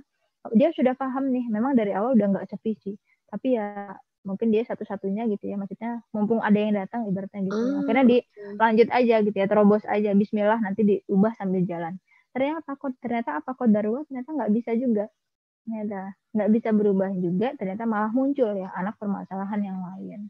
Jadi e, kalau dari aku ya kalau dari aku pribadi kalau misalnya ternyata udah nggak sevisi tadi itu ya jangan jangan coba-coba ibaratnya ya. Jangan iya, coba untuk dilanjut karena nanti kalau kitanya nggak nggak bisa apa ya settle atau apa sama-sama akan apa ya terlepas gitulah intinya ya dari ikatan itu mm-hmm. karena ya, ya susah gitu ya maksudnya mengubah sesuatu yang memang sudah tidak sama dari apa dari cara pandangnya tadi itu dari nah, awal ya dari awal iya sih kak aku juga rada rada ngeri kalau misalnya dengar kata-kata ya nanti berubahlah sejalannya gitu. Mm -hmm. Itu dalam konteks perubahan dan kalau misalnya Benar. Dalam cakupan hal-hal yang mengakar gitu. Mm -hmm. Kayak misalnya prinsip hidup dan lain-lainnya. Mm -hmm. Karena ada beberapa case mungkin uh, teman-teman ada ada beberapa temanku juga cerita gitu ya. Nah, ini kita ambil pelajarannya ya kak ya. Mm -hmm. Ada cerita dulu waktu sebelum nikah itu dia masih prioritasnya tuh masih nongkrong gitu. Okay. Nongkrongnya mungkin uh, tujuannya kurang jelas ya udah untuk main doang gitu. Dan itu sebelum nikah masih terjadi. Jadi uh, ya gitulah emang kecenderungannya di situ. Dan setelah nikah akhirnya ketika punya anak itu masih nongkrong gitu. Hmm. sementara anaknya anak... dibawa nongkrong? Enggak? Enggak lah. Anaknya mamanya. Oke oke oke. Iya. Kan kalau nongkrong kan sampai malam kan tengah malam oh, iya. sampai ya hampir subuh gitu Nah ini kan apa ya? Uh, ini kan sesuatu yang menjadi kebiasaan dari dari awal dan dan direncanakan untuk dirubah ketika udah okay. Ternyata nggak bisa. Nggak bisa. Karena apa? Karena itu udah mengakar kebiasaannya. Mm-hmm. Dan kalau misalnya aku sharing sama Bang Hawa tuh ada beberapa tahap di mana cowok itu merasa eh cowok itu kalau belum berubah di tahap itu berarti memang dia belum siap gitu. Pertama hmm. adalah pernikahan. Benar, benar. Kedua ketika punya anak selanjutnya aku nggak tahu lah ya jadi hmm. ketika ketika laki-laki atau seseorang lah ya nggak harus laki-laki perempuan juga ya hmm. ketika seseorang ingin menikah dan dan lantas dia nggak berubah gitu hmm. nggak berubah menjadi lebih baik untuk ke depannya hmm. ya bisa jadi dia belum ada di tahapan siap dalam dalam Betul. hal tersebut gitu apalagi kalau udah punya anak ya hmm. kayak istilahnya gini mau nikah tapi masih belum berubah tuh hmm. Hmm. udah mau jadi orang tua tapi masih belum berubah gitu. Nah hmm, itu hmm. kemungkinan besar seiring bertumbuh anaknya dia akan tetap seperti itu gitu. Bisa diubah, cuman mungkin akan sangat terseok-seok ya. Hmm, Beda kalau misalnya dari awal sudah bisa berubah gitu. Jadi kalau tadi uh, ada yang nanya juga tadi ya Den. Terus Mm-mm. standar kesiapan tuh maksudnya seperti apa gitu? Standar kesiapan. Mm-mm. Oh, ini bisa ditonton di video Ustadz Felix nih. iya, lagi-lagi iya makanya bener banyak banget yang bisa teman-teman dapetin insight-nya dari sana. Iya, kalau yang yang aku pelajari dari Ustadz ya, standar kesiapan itu mencakup mental, Men. mentalitas karena gini, karena kalau menikah itu nantinya kita akan tinggal dengan orang seumur hidup insya Allah ya, Betul. dengan betul. or dengan satu orang itu gitu, dan nantinya akan bertambah insya Allah kalau misalnya Allah takdirkan. Nah, gimana Mm-mm. caranya kita bisa ngatur emosi satu sama lain? Gimana caranya kita Mm-mm. bisa berkomunikasi dengan baik kalau mental yang dipunya untuk bisa beradaptasi dengan orang lain itu masih rendah gitu, masih Mm-mm. belum bisa gitu. Benar, benar. Jadi yang harus diperkuat memang mental, daya survive kita juga Benar, dan lain sebagainya. Kalau Jadi perlu kematangan tadi itu ya. betul itu kematangan intinya. Terus juga selanjutnya adalah ilmu karena ilmu itu Mm-mm. guideline kita ya. Benar, Kan ada tujuan ya sebagai muslim ya. Iya. Muslim muslimah kita punya tujuan. Nah ilmu itu sebagai guideline supaya nantinya yaitu tadi banyak masalah yang sudah selesai dengan adanya ilmu yang kita punya masing-masing gitu. Jadi kalau misalnya harus eh, biasanya orang cekcok nih gara-gara apa ya? Ya misal gara-gara hal, kecil gitu. Terus kita ketika kita udah punya ilmunya itu akan cenderung apa ya? Walaupun masih berkemungkinan kemarahan itu, karena itu Mm-mm. hal yang manusiawi ya. Tapi dengan mengi- mengingat ilmu itu jadi re- redam gitu loh kak. Jadi Mm-mm. oh iya ya kan begini ya kata Allah ya gitu. Mm-mm. Terus yang ketiga adalah persiap persiapan uh, finansial. Finansial. Bukan yang harus kayak tujuh, tujuh turunan gitu, Hmm. enggak juga. Kita, uh, Hmm. aku juga sama Bang Hawa juga mulai dari nol ya. Kita berawal dari dari planning saja, berawal dari planning gitu. Oke. Tuh. Jadi awalnya memang memang nggak nggak langsung apa namanya, nggak langsung settle namanya juga orang berjuang dari nol ya. Mm-mm. Setidaknya kita punya planning gitu. Mm-mm. untuk ke depannya. Itu untuk persiapan finansialnya. Iya, itu benar banget sih teman-teman. Pada intinya tadi ya, kalau menjawab pertanyaannya yang tadi, memang eh, eh, apa ya ibaratnya bahtera atau pernikahan tadi itu kan kuat tidaknya tergantung gimana dari awal nih, ya apa tujuannya atau fondasinya, kesiapannya, visi misinya gitu. Sehingga nanti ya eh, meskipun ujiannya mah ada aja namanya pernikahan gitu ya, cuma nggak ibaratnya karena udah settle juga nih fondasinya jadi nggak terlalu kalau terombang ambing itu terombang ambing banget lah kapal itu Hmm. Jadi masih tetap gimana caranya akan oh balik lagi ke track yang harusnya seperti apa Iya, iya. Udah ada ini ya. Garis Ah. itu udah jelas ya nah benar standarnya ya. nah terus tadi kalau yang pertanyaan Aduh, tadi Ustad. Ketawa iya iya Kalian Jadi- sih. apa namanya peka gitu ya Heeh. Cepet gitu. oke Aku kok Ya. ikut ngakak. Terus terus. jadi Gimana, tadi ya kalau ada yang apa namanya jadi tadi di posisi dia yang jadi apa pihak yang diceritain nih sama orang lain.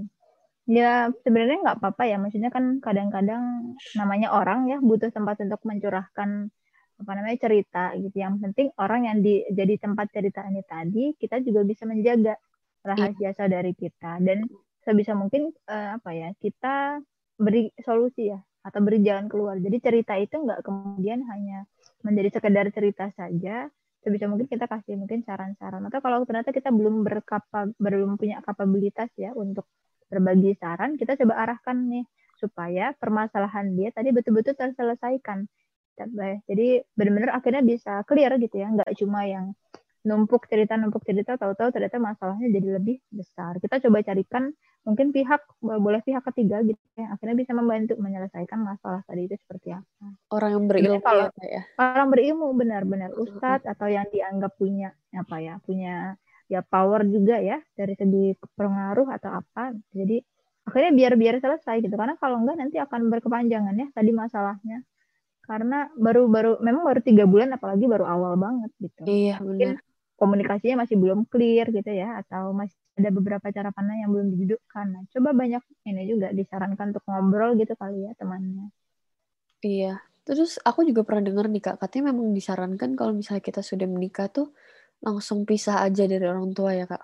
hmm iya Terutama kalau ta'aruf gitu karena mungkin sebelumnya belum punya komunikasi yang intens terus tiba-tiba Mm-mm. harus masking kan kita nggak mungkin bisa Iya. seplong itu kan untuk Mm-mm. awal-awal sama orang baru Mm-mm. itu benar nggak sih kak memang disarankan untuk Iya.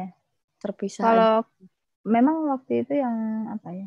Ya karena lagi-lagi ya aku based on mungkin cerita orang lain ya atau Oke. ilmu yang aku dapat gitu ya. Karena kalau pengalaman belum ada. Tapi yang pernah aku dapatkan nasihatnya tadi itu ya atau ya banyak yang kemudian bilang tadi itu kenapa sih kita tuh kalau misalnya sudah menikah tadi itu ya harus kayak berusaha ya sebisa mungkin hidup mandiri lepas daripada orang tua. Karena kan sebenarnya yang akan menjalani rumah tangga itu kan ya ini berdua ini. Atau kalau keluarga ya keluarga itu nanti gitu ya. Dan sebenarnya ada pengaruhnya juga dari segi nanti si laki-lakinya. Ikhwan ini tadi atau ya suaminya tadi ya ibaratnya itu kan sebenarnya kalau dalam dalam posisi rumah tangga suami itu kan kowam pemimpin. Kita Mm. bayangkan kalau dalam rumah tangga eh, dalam rumah dalam satu rumah tadi itu ada dua kepala rumah tangga ayah kita sendiri misalnya atau ayah mertua tadi dengan si suami tadi itu.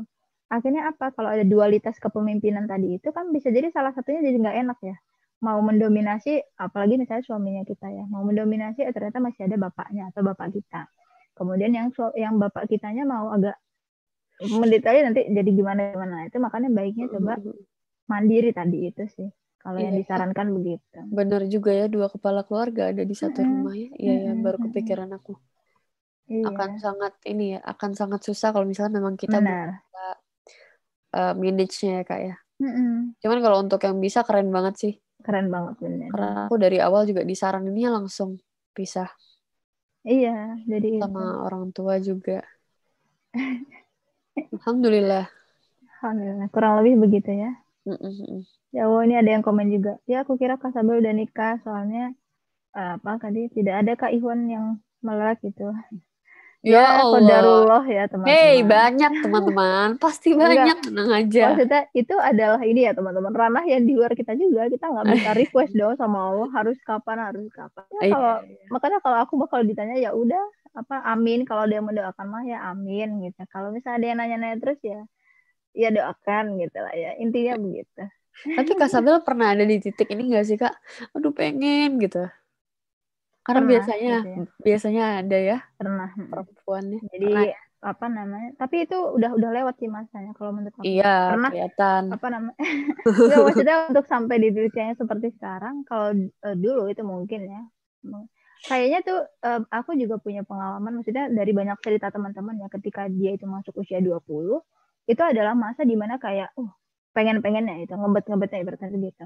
Entah mungkin melihat teman-teman di luar sana melihat memang jadi apa ya dorongannya itu mungkin dorongan masih perasaan tadi itu ya yang apa namanya jadi akhirnya galau gitu ya. Pas ngelihat orang lain nikah kita kok belum? Tapi seiring dengan kita nambah ilmu seiring dengan kita terus berusaha fokus sama hal lain tadi itu ya jadi kayak ngerasanya kalau sekarang mah kayak ya udah segimana dikasihnya Allah aja gitu kan ya. Kapan Iya, mau iya. dikasihnya gitu sih. Masya Allah, enak banget tawakal tuh nikmat ya, benar benar Kayak legowo gitu. Go. Aku lihat orang-orang yang yang ujian hidupnya mungkin kalau misalnya aku pikir terjadi di aku nggak mungkin aku kuat gitu. Tapi gue orang-orang yang tawakal terus jadi kayak ya udah angin lalu gitu. Itu masya Allah kok Mm. bisa ya orang-orang kayak gitu ya. Keren banget emang. Keimanannya Mm. sudah level dewa. ya Allah ada yang ada yang kompor nih Den ayo Oh. Kak Dena ulik ulik ulik Kabela Baik, jadi apakah sudah ada laki-laki yang oh mau- jangan jangan Terus ada lagi nih yang komen, kakak aku udah mau tiga tahun nih tinggalnya sama mertua, alhamdulillah baik-baik aja. Itu Oh, ada Masya juga yang kayak gitu, artinya nggak nggak salah Keren. juga gitu ya. Nah tadi yang aku cerita adalah itu ya apa secara ini ya secara logikanya gitu ya. Tapi kalau ternyata ada yang bisa ya alhamdulillah gitu ya. Artinya sudah saling memahami perannya kan begitu. Iya, masya Allah. Pondasinya, sta- eh, maksudnya garisnya sudah jelas gitu kak ya. Mm-mm, Baik Hmm. dari keluarganya, keluarga orang tuanya, maksudnya kemudian keluarga dia juga. Masya Allah, Itu masya Allah keren banget ya. mantap kamu mbak. Kita mau lanjut kak, ini Lanjut tinggal 12 menit. 948. Satu kali lagi kali ya, satu Iya, pertanyaan. bisa, bisa. Ya, begitulah teman-teman. Kak Bella asli Sunda ya, asli Jawa guys. Asli Jawa guys, kita sama-sama wong Jawa. Kita orang Jawa, Surabaya sama Arek Malang. Arek Malang. Arema dong. Oh, ini tapi yang ini Den. Uh, yang panjang Apa banget ya. Oh iya ya. Atau ini aja ini ya. Oke, okay, boleh, boleh. Tentang hijrah. Hmm.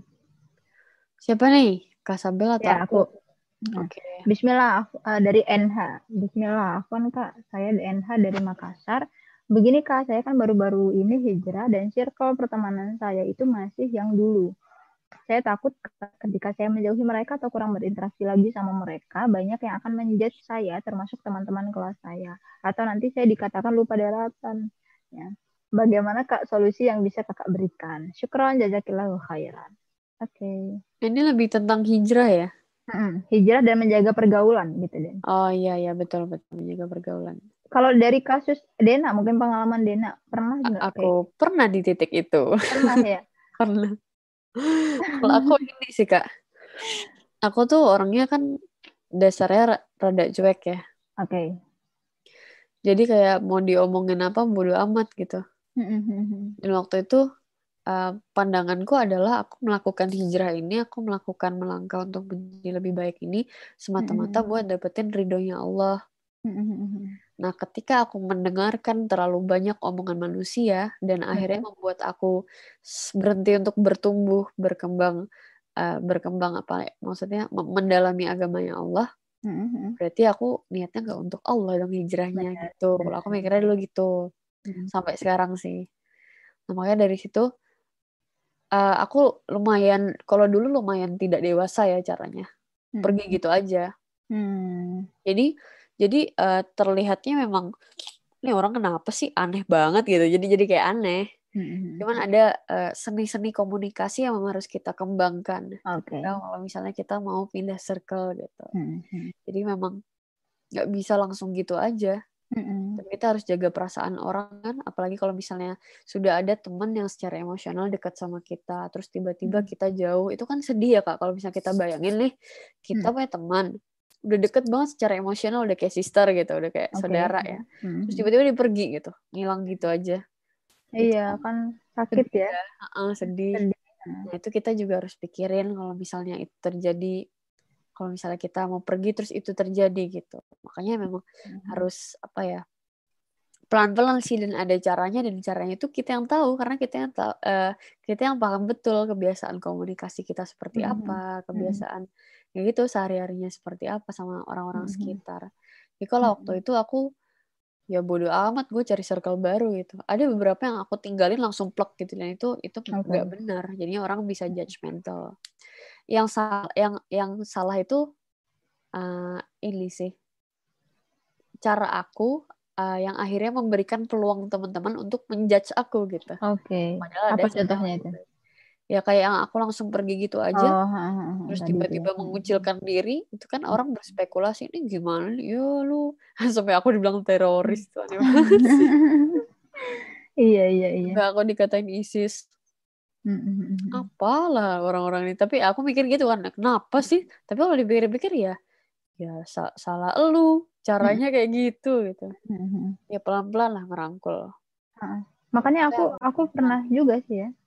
Pernah maksudnya dinasihatin juga kalau terkait dengan ini. Kita tuh kan memang dalam sistem kehidupan kita hari ini ya, kita nggak bisa langsung kayak berusaha pengen steril. Itu nggak akan bisa steril dari katakanlah misalnya ada kemaksiatan atau nggak nggak akan bisa ya karena Bisa memang sistem ya. kehidupannya masih apa ya masih mengaruskan yang seperti ini kita Betul. mau pindah ke mana tetap akan dapat kecipratan lah ibaratnya gitu makanya harus kita kita lakukan adalah bukan mensterilisasi diri kita tapi kita kuatkan sistem imun kita sistem imunnya maksudnya apa ya keimanan atau akidah itu tadi jadi dalam mau di tempat yang bagaimanapun keadaan yang bagaimanapun kita akan tetap punya prinsip atau berpegang kepada apa ya fondasi iman tadi itu. Iya iya. Tapi Jadi kadang mau hmm, hmm? eh sorry kak. Iya nggak apa ada. Karena memang orang-orang baru itu butuh circle ya kak ya. Betul Jadi, benar. Aduh benar. ini toxic nih nggak bisa nih gue di sini. Hmm, ada ada. Iya. Nah jadi nah, di samping di samping tadi kita punya teman-teman yang seperti itu ya kita tetap berteman, tapi di sisi lain kita juga perlu punya yang ya orang-orang yang senantiasa ini ya mengkondisikan kita dalam ketaatan atau bahasanya sahabat taat, sahabat hijrah ya. Itu teman-teman yang akan selalu mengkondisikan kita. Ada kajian intensifnya, ustadahnya, gurunya. Nah, itu yang ibarat kata tadi ngasih amunisi kita juga. Gitu. Iya, iya. Aku waktu kuliah tuh Kak ya, pernah ngerasa kayak gue gue punya dua dunia berbeda gitu ya. Di kampus itu karena aku sastra Inggris jadi di kampus itu semua patokannya itu kan pada uh, teori barat gaya hidup barat dan lain sebagainya. Jadi anak-anak sastra Inggrisnya gitu patokannya barat kan. Yang di mana pemikirannya itu memang jauh dari Islam. Tapi di sisi lain aku di sama teman-teman yang suka kekajian suka dengerin ini itu itu beda banget. Jadi kayak ngerasa punya dua dua hidup gitu benar benar. Kayak itu poker face. Mukanya Iya. dua. Aku malah kepikirannya apa coba kalau hidup di dua amfibi anak IPA nih SD-nya anak IPA benar. Ya kayak gitu. Ini kan Maksudnya hewan sempet- amfibi hidup di dua alam. Oke oke lanjut Ya, lanjut. sempat sempat kayak gitu aku ngerasa tapi eh, ketika aku pikir-pikir oh iya berarti Allah takdirkan aku di, ada di circle seperti ini mungkin untuk jalan dakwah juga untuk merangkul Mhm. teman-teman. tapi memang circle yang menguatkan itu perlu sekali karena kalau Mhm. misalnya kita hanya ada di circle yang sekiranya nggak mendekatkan kita ke Allah itu Mhm. habis lah kalau misalnya kita Mhm. belum kuat ya Karena kita butuh teman taat kan betul itu habis lah. Jadi memang kalau misalnya eh, kamu-kamu teman-teman terjebak di posisi aku kayak dulu nggak apa-apa Mm-mm. asikin aja gitu. Mm. Kita jangan jangan terbawa arus. Mungkin aku juga pernah share di Soy ya. Mm-mm. Aku itu mempermasalahkan aku sama teman-teman yang mungkin belum belajar Islam itu mempermasalahkan hal-hal yang eh, eh aku nggak mempermasalahkan hal-hal yang tidak berkaitan dengan dengan akidah Mm-mm. Kayak misalnya bercandaannya atau apa. Tapi kalau misalnya udah masalah sholat aurat itu aku nggak bisa main-main dengan itu. Mm-mm. jadi itu sih yang dibikin pegangan. Jadi semangat ya cari Iya, jalan yang ya, teman ya, kita. kamu akan menemukan kok explore aja. Tapi Mm-mm. jangan lantas benci dengan, dengan yang sekarang ya. Karena kita pernah menjadi bagian dari mereka loh. Betul betul. kita pernah di titik itu. Kita doain supaya teman-teman juga berjalan gitu. Melangkah seperti Mm-mm. kita lah gitu atau lebih gitu. Jadi eh, mungkin sedikit nambahin juga ya. Jadi kita sebagai seorang muslim juga yang jadi landasan cinta dan benci kita itu karena Allah. Jadi maksudnya kita suka sama seseorang, kita berteman sama seseorang itu karena karena Allah maksudnya ketika itu adalah ketaatan, kita kita apa ya, kita apa kita lakukan gitu ya, kita temani, kita apa bersamai. Tapi ketika memang tadi ada kemaksiatan atau kesalahan tadi itu itu yang coba kita benahi. Jadi nggak nggak mesti juga karena temen gitu ya, tapi dia salah nih terus kita jadi nggak enak buat ngingetin, nah kan nggak gitu juga. Sama tadi kayak Kak Dena yang bilang gitu ya, intinya ada caranya, ada treatmentnya. Bukan berarti kita kayak mau menjauh, jadi kayak udahlah pindah gitu ya.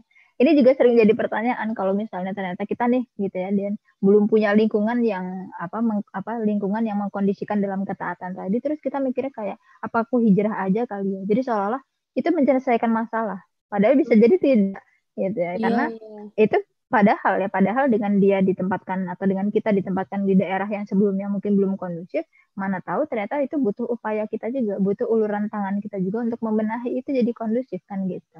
Iya iya benar-benar Mhm. jadi Allah sudah posisikan kita di situ. Benar benar. Aku tuh Ya, pernah loh kak sharing-sharing. Mhm. sharing-sharing sama anak pondok. Mhm. Mhm. Eh, mungkin kak Sabil eh, merasakan juga ya pernah Mm-mm. merasakan. Aku tuh iri kak sama orang-orang di luar tahu pergaulan luar. Sementara kalau aku di pondok itu kayak gini doang gitu. Mhm. Mhm. aku aku iri sama orang-orang yang hijrah. Terus kalau aku dari orang hij- dari sisi orang hijrah tuh eh gue iri lu pesantren gitu. Aku tuh iri kalian pesantren. Kalian nuntut ilmu dan lain sebagainya. Nah terus eh, konklusi yang bisa aku ambil adalah ternyata memang Allah itu sudah posisikan kita di posisi yang terbaik. Jadi kita Betul. lakukan tugas kita aja gitu ya. Mhm. kalau benar misalnya kita benar. kita pengen misalnya anak-anak hijrah nih kayak aku pengen dari kecil uh, ada di pesantren gitu. Mungkin mungkin kontribusi kontribusiku nggak akan nggak akan seperti sekarang gitu. Kalau misalnya uh, tap- uh, kalau misalnya aku ada di lingkungan seperti itu gitu jadi Mhm. posisi yang sekarang Allah kasih itu kayaknya udah yang terbaik buat kita ya kak ya Mm-mm. Iya makanya. Lagi-lagi balik ya waktu itu kayak yang Dena pernah sampaikan juga. Hmm, kita nggak bisa memilih ya dalam keadaan apa kita dilahirkan. Tapi apa namanya ketika memang kita sudah ya seperti itu kemudian dikasihnya sama Allah kita bisa memilih untuk kita menjadi yang seperti apa. iya iya Gitu. Katakanlah kita nggak bisa milih nih, kita mau hidup di zaman sekarang atau zaman yang dulu, zaman para sahabat. Kita mau lahir dari keluarga yang udah kondusif nih keislamannya atau kita lahir dari keluarga seperti apa kan nggak bisa memilih ya. Tapi iya. gimana kemudian uh, kiprah kita hari ini coba itu yang kita optimalkan. Kita memilih taat, memilih terus berjalan tadi kepada ketaatan atau ya udah uh, cuek aja gitu sama keadaan. Uh, uh. Itu intinya ya kak ya, biar uh -uh. hidup nggak pusing-pusing amat tuh intinya. Uh -uh jangan terlalu fokus sama hal eh bukan bukan. Jangan ngeribetin hal yang memang sudah ditakdirkan untuk kita gitu. Tapi hmm. ribetin hal yang bukan ribetin istilahnya mempermasalahkan. beratkan hal yang bisa kita jadikan pilihan gitu. Betul. Misalnya tadi ada yang bilang tuh gue gue iri sama orang yang hijrahnya tuh istiqomah gitu misalnya. Hmm. hijrah istiqomah atau enggak itu kan pilihan. Hmm, bener. ribet lah di situ. Hmm, gitu. hmm jangan ribet kayak uh, misalnya iya nih gue dilahirin di keluarga kayak gini. Jangan ngeribetin itu ya kak karena itu udah menjadi takdir. Dan ketika mm-hmm. kita bisa handle tak eh maksudnya handle dengan keadaan seperti itu jadi masya masya allah banget. Ladang pahala. benar nerimo. Ya betul. Nih oke wong Jawa. Iya koncoku kabeh. Eh kita jadi Jawa-Jawa ngerti ya teman-teman? Ya Allah. Ya Allah. Ini udah jam 10 cepet banget. Iya ya, Insya Allah. Ya intinya begitulah ya. Tanya jawabnya Insya Allah kita udah banyak tadi ya. Iya. Jadi semoga teman-teman yang mungkin belum terjawab pertanyaannya secara langsung, cuma ada masalah yang mirip-mirip, jadi itu semoga menjawab juga gitu maksudnya ya. ya. Amin, insya Allah. Maaf ya guys kalau ada salah-salah ngomong. Hmm, maaf juga. Ya semoga apa yang kita bagikan tadi bermanfaat buat semuanya. Dan Amin. jangan lupa pantengin terus, Toy. Ya. Tadi kita ralat bukan minggu kedua ya. Jadi pekan ketiga kalau yang eh, oh, di iya, okay. ini. Oh di iya, sorry, pekan sorry. ketiga, terus uh, apa tadi ladies naiknya pekan pertama. Iya pekan pertama. Kak Sabil, thank you banget. Ah, Sayang sekali. Iya, Eh btw guys ada giveaway loh. Oh iya makanya tuh. ada giveaway jadi produknya uh, Diana.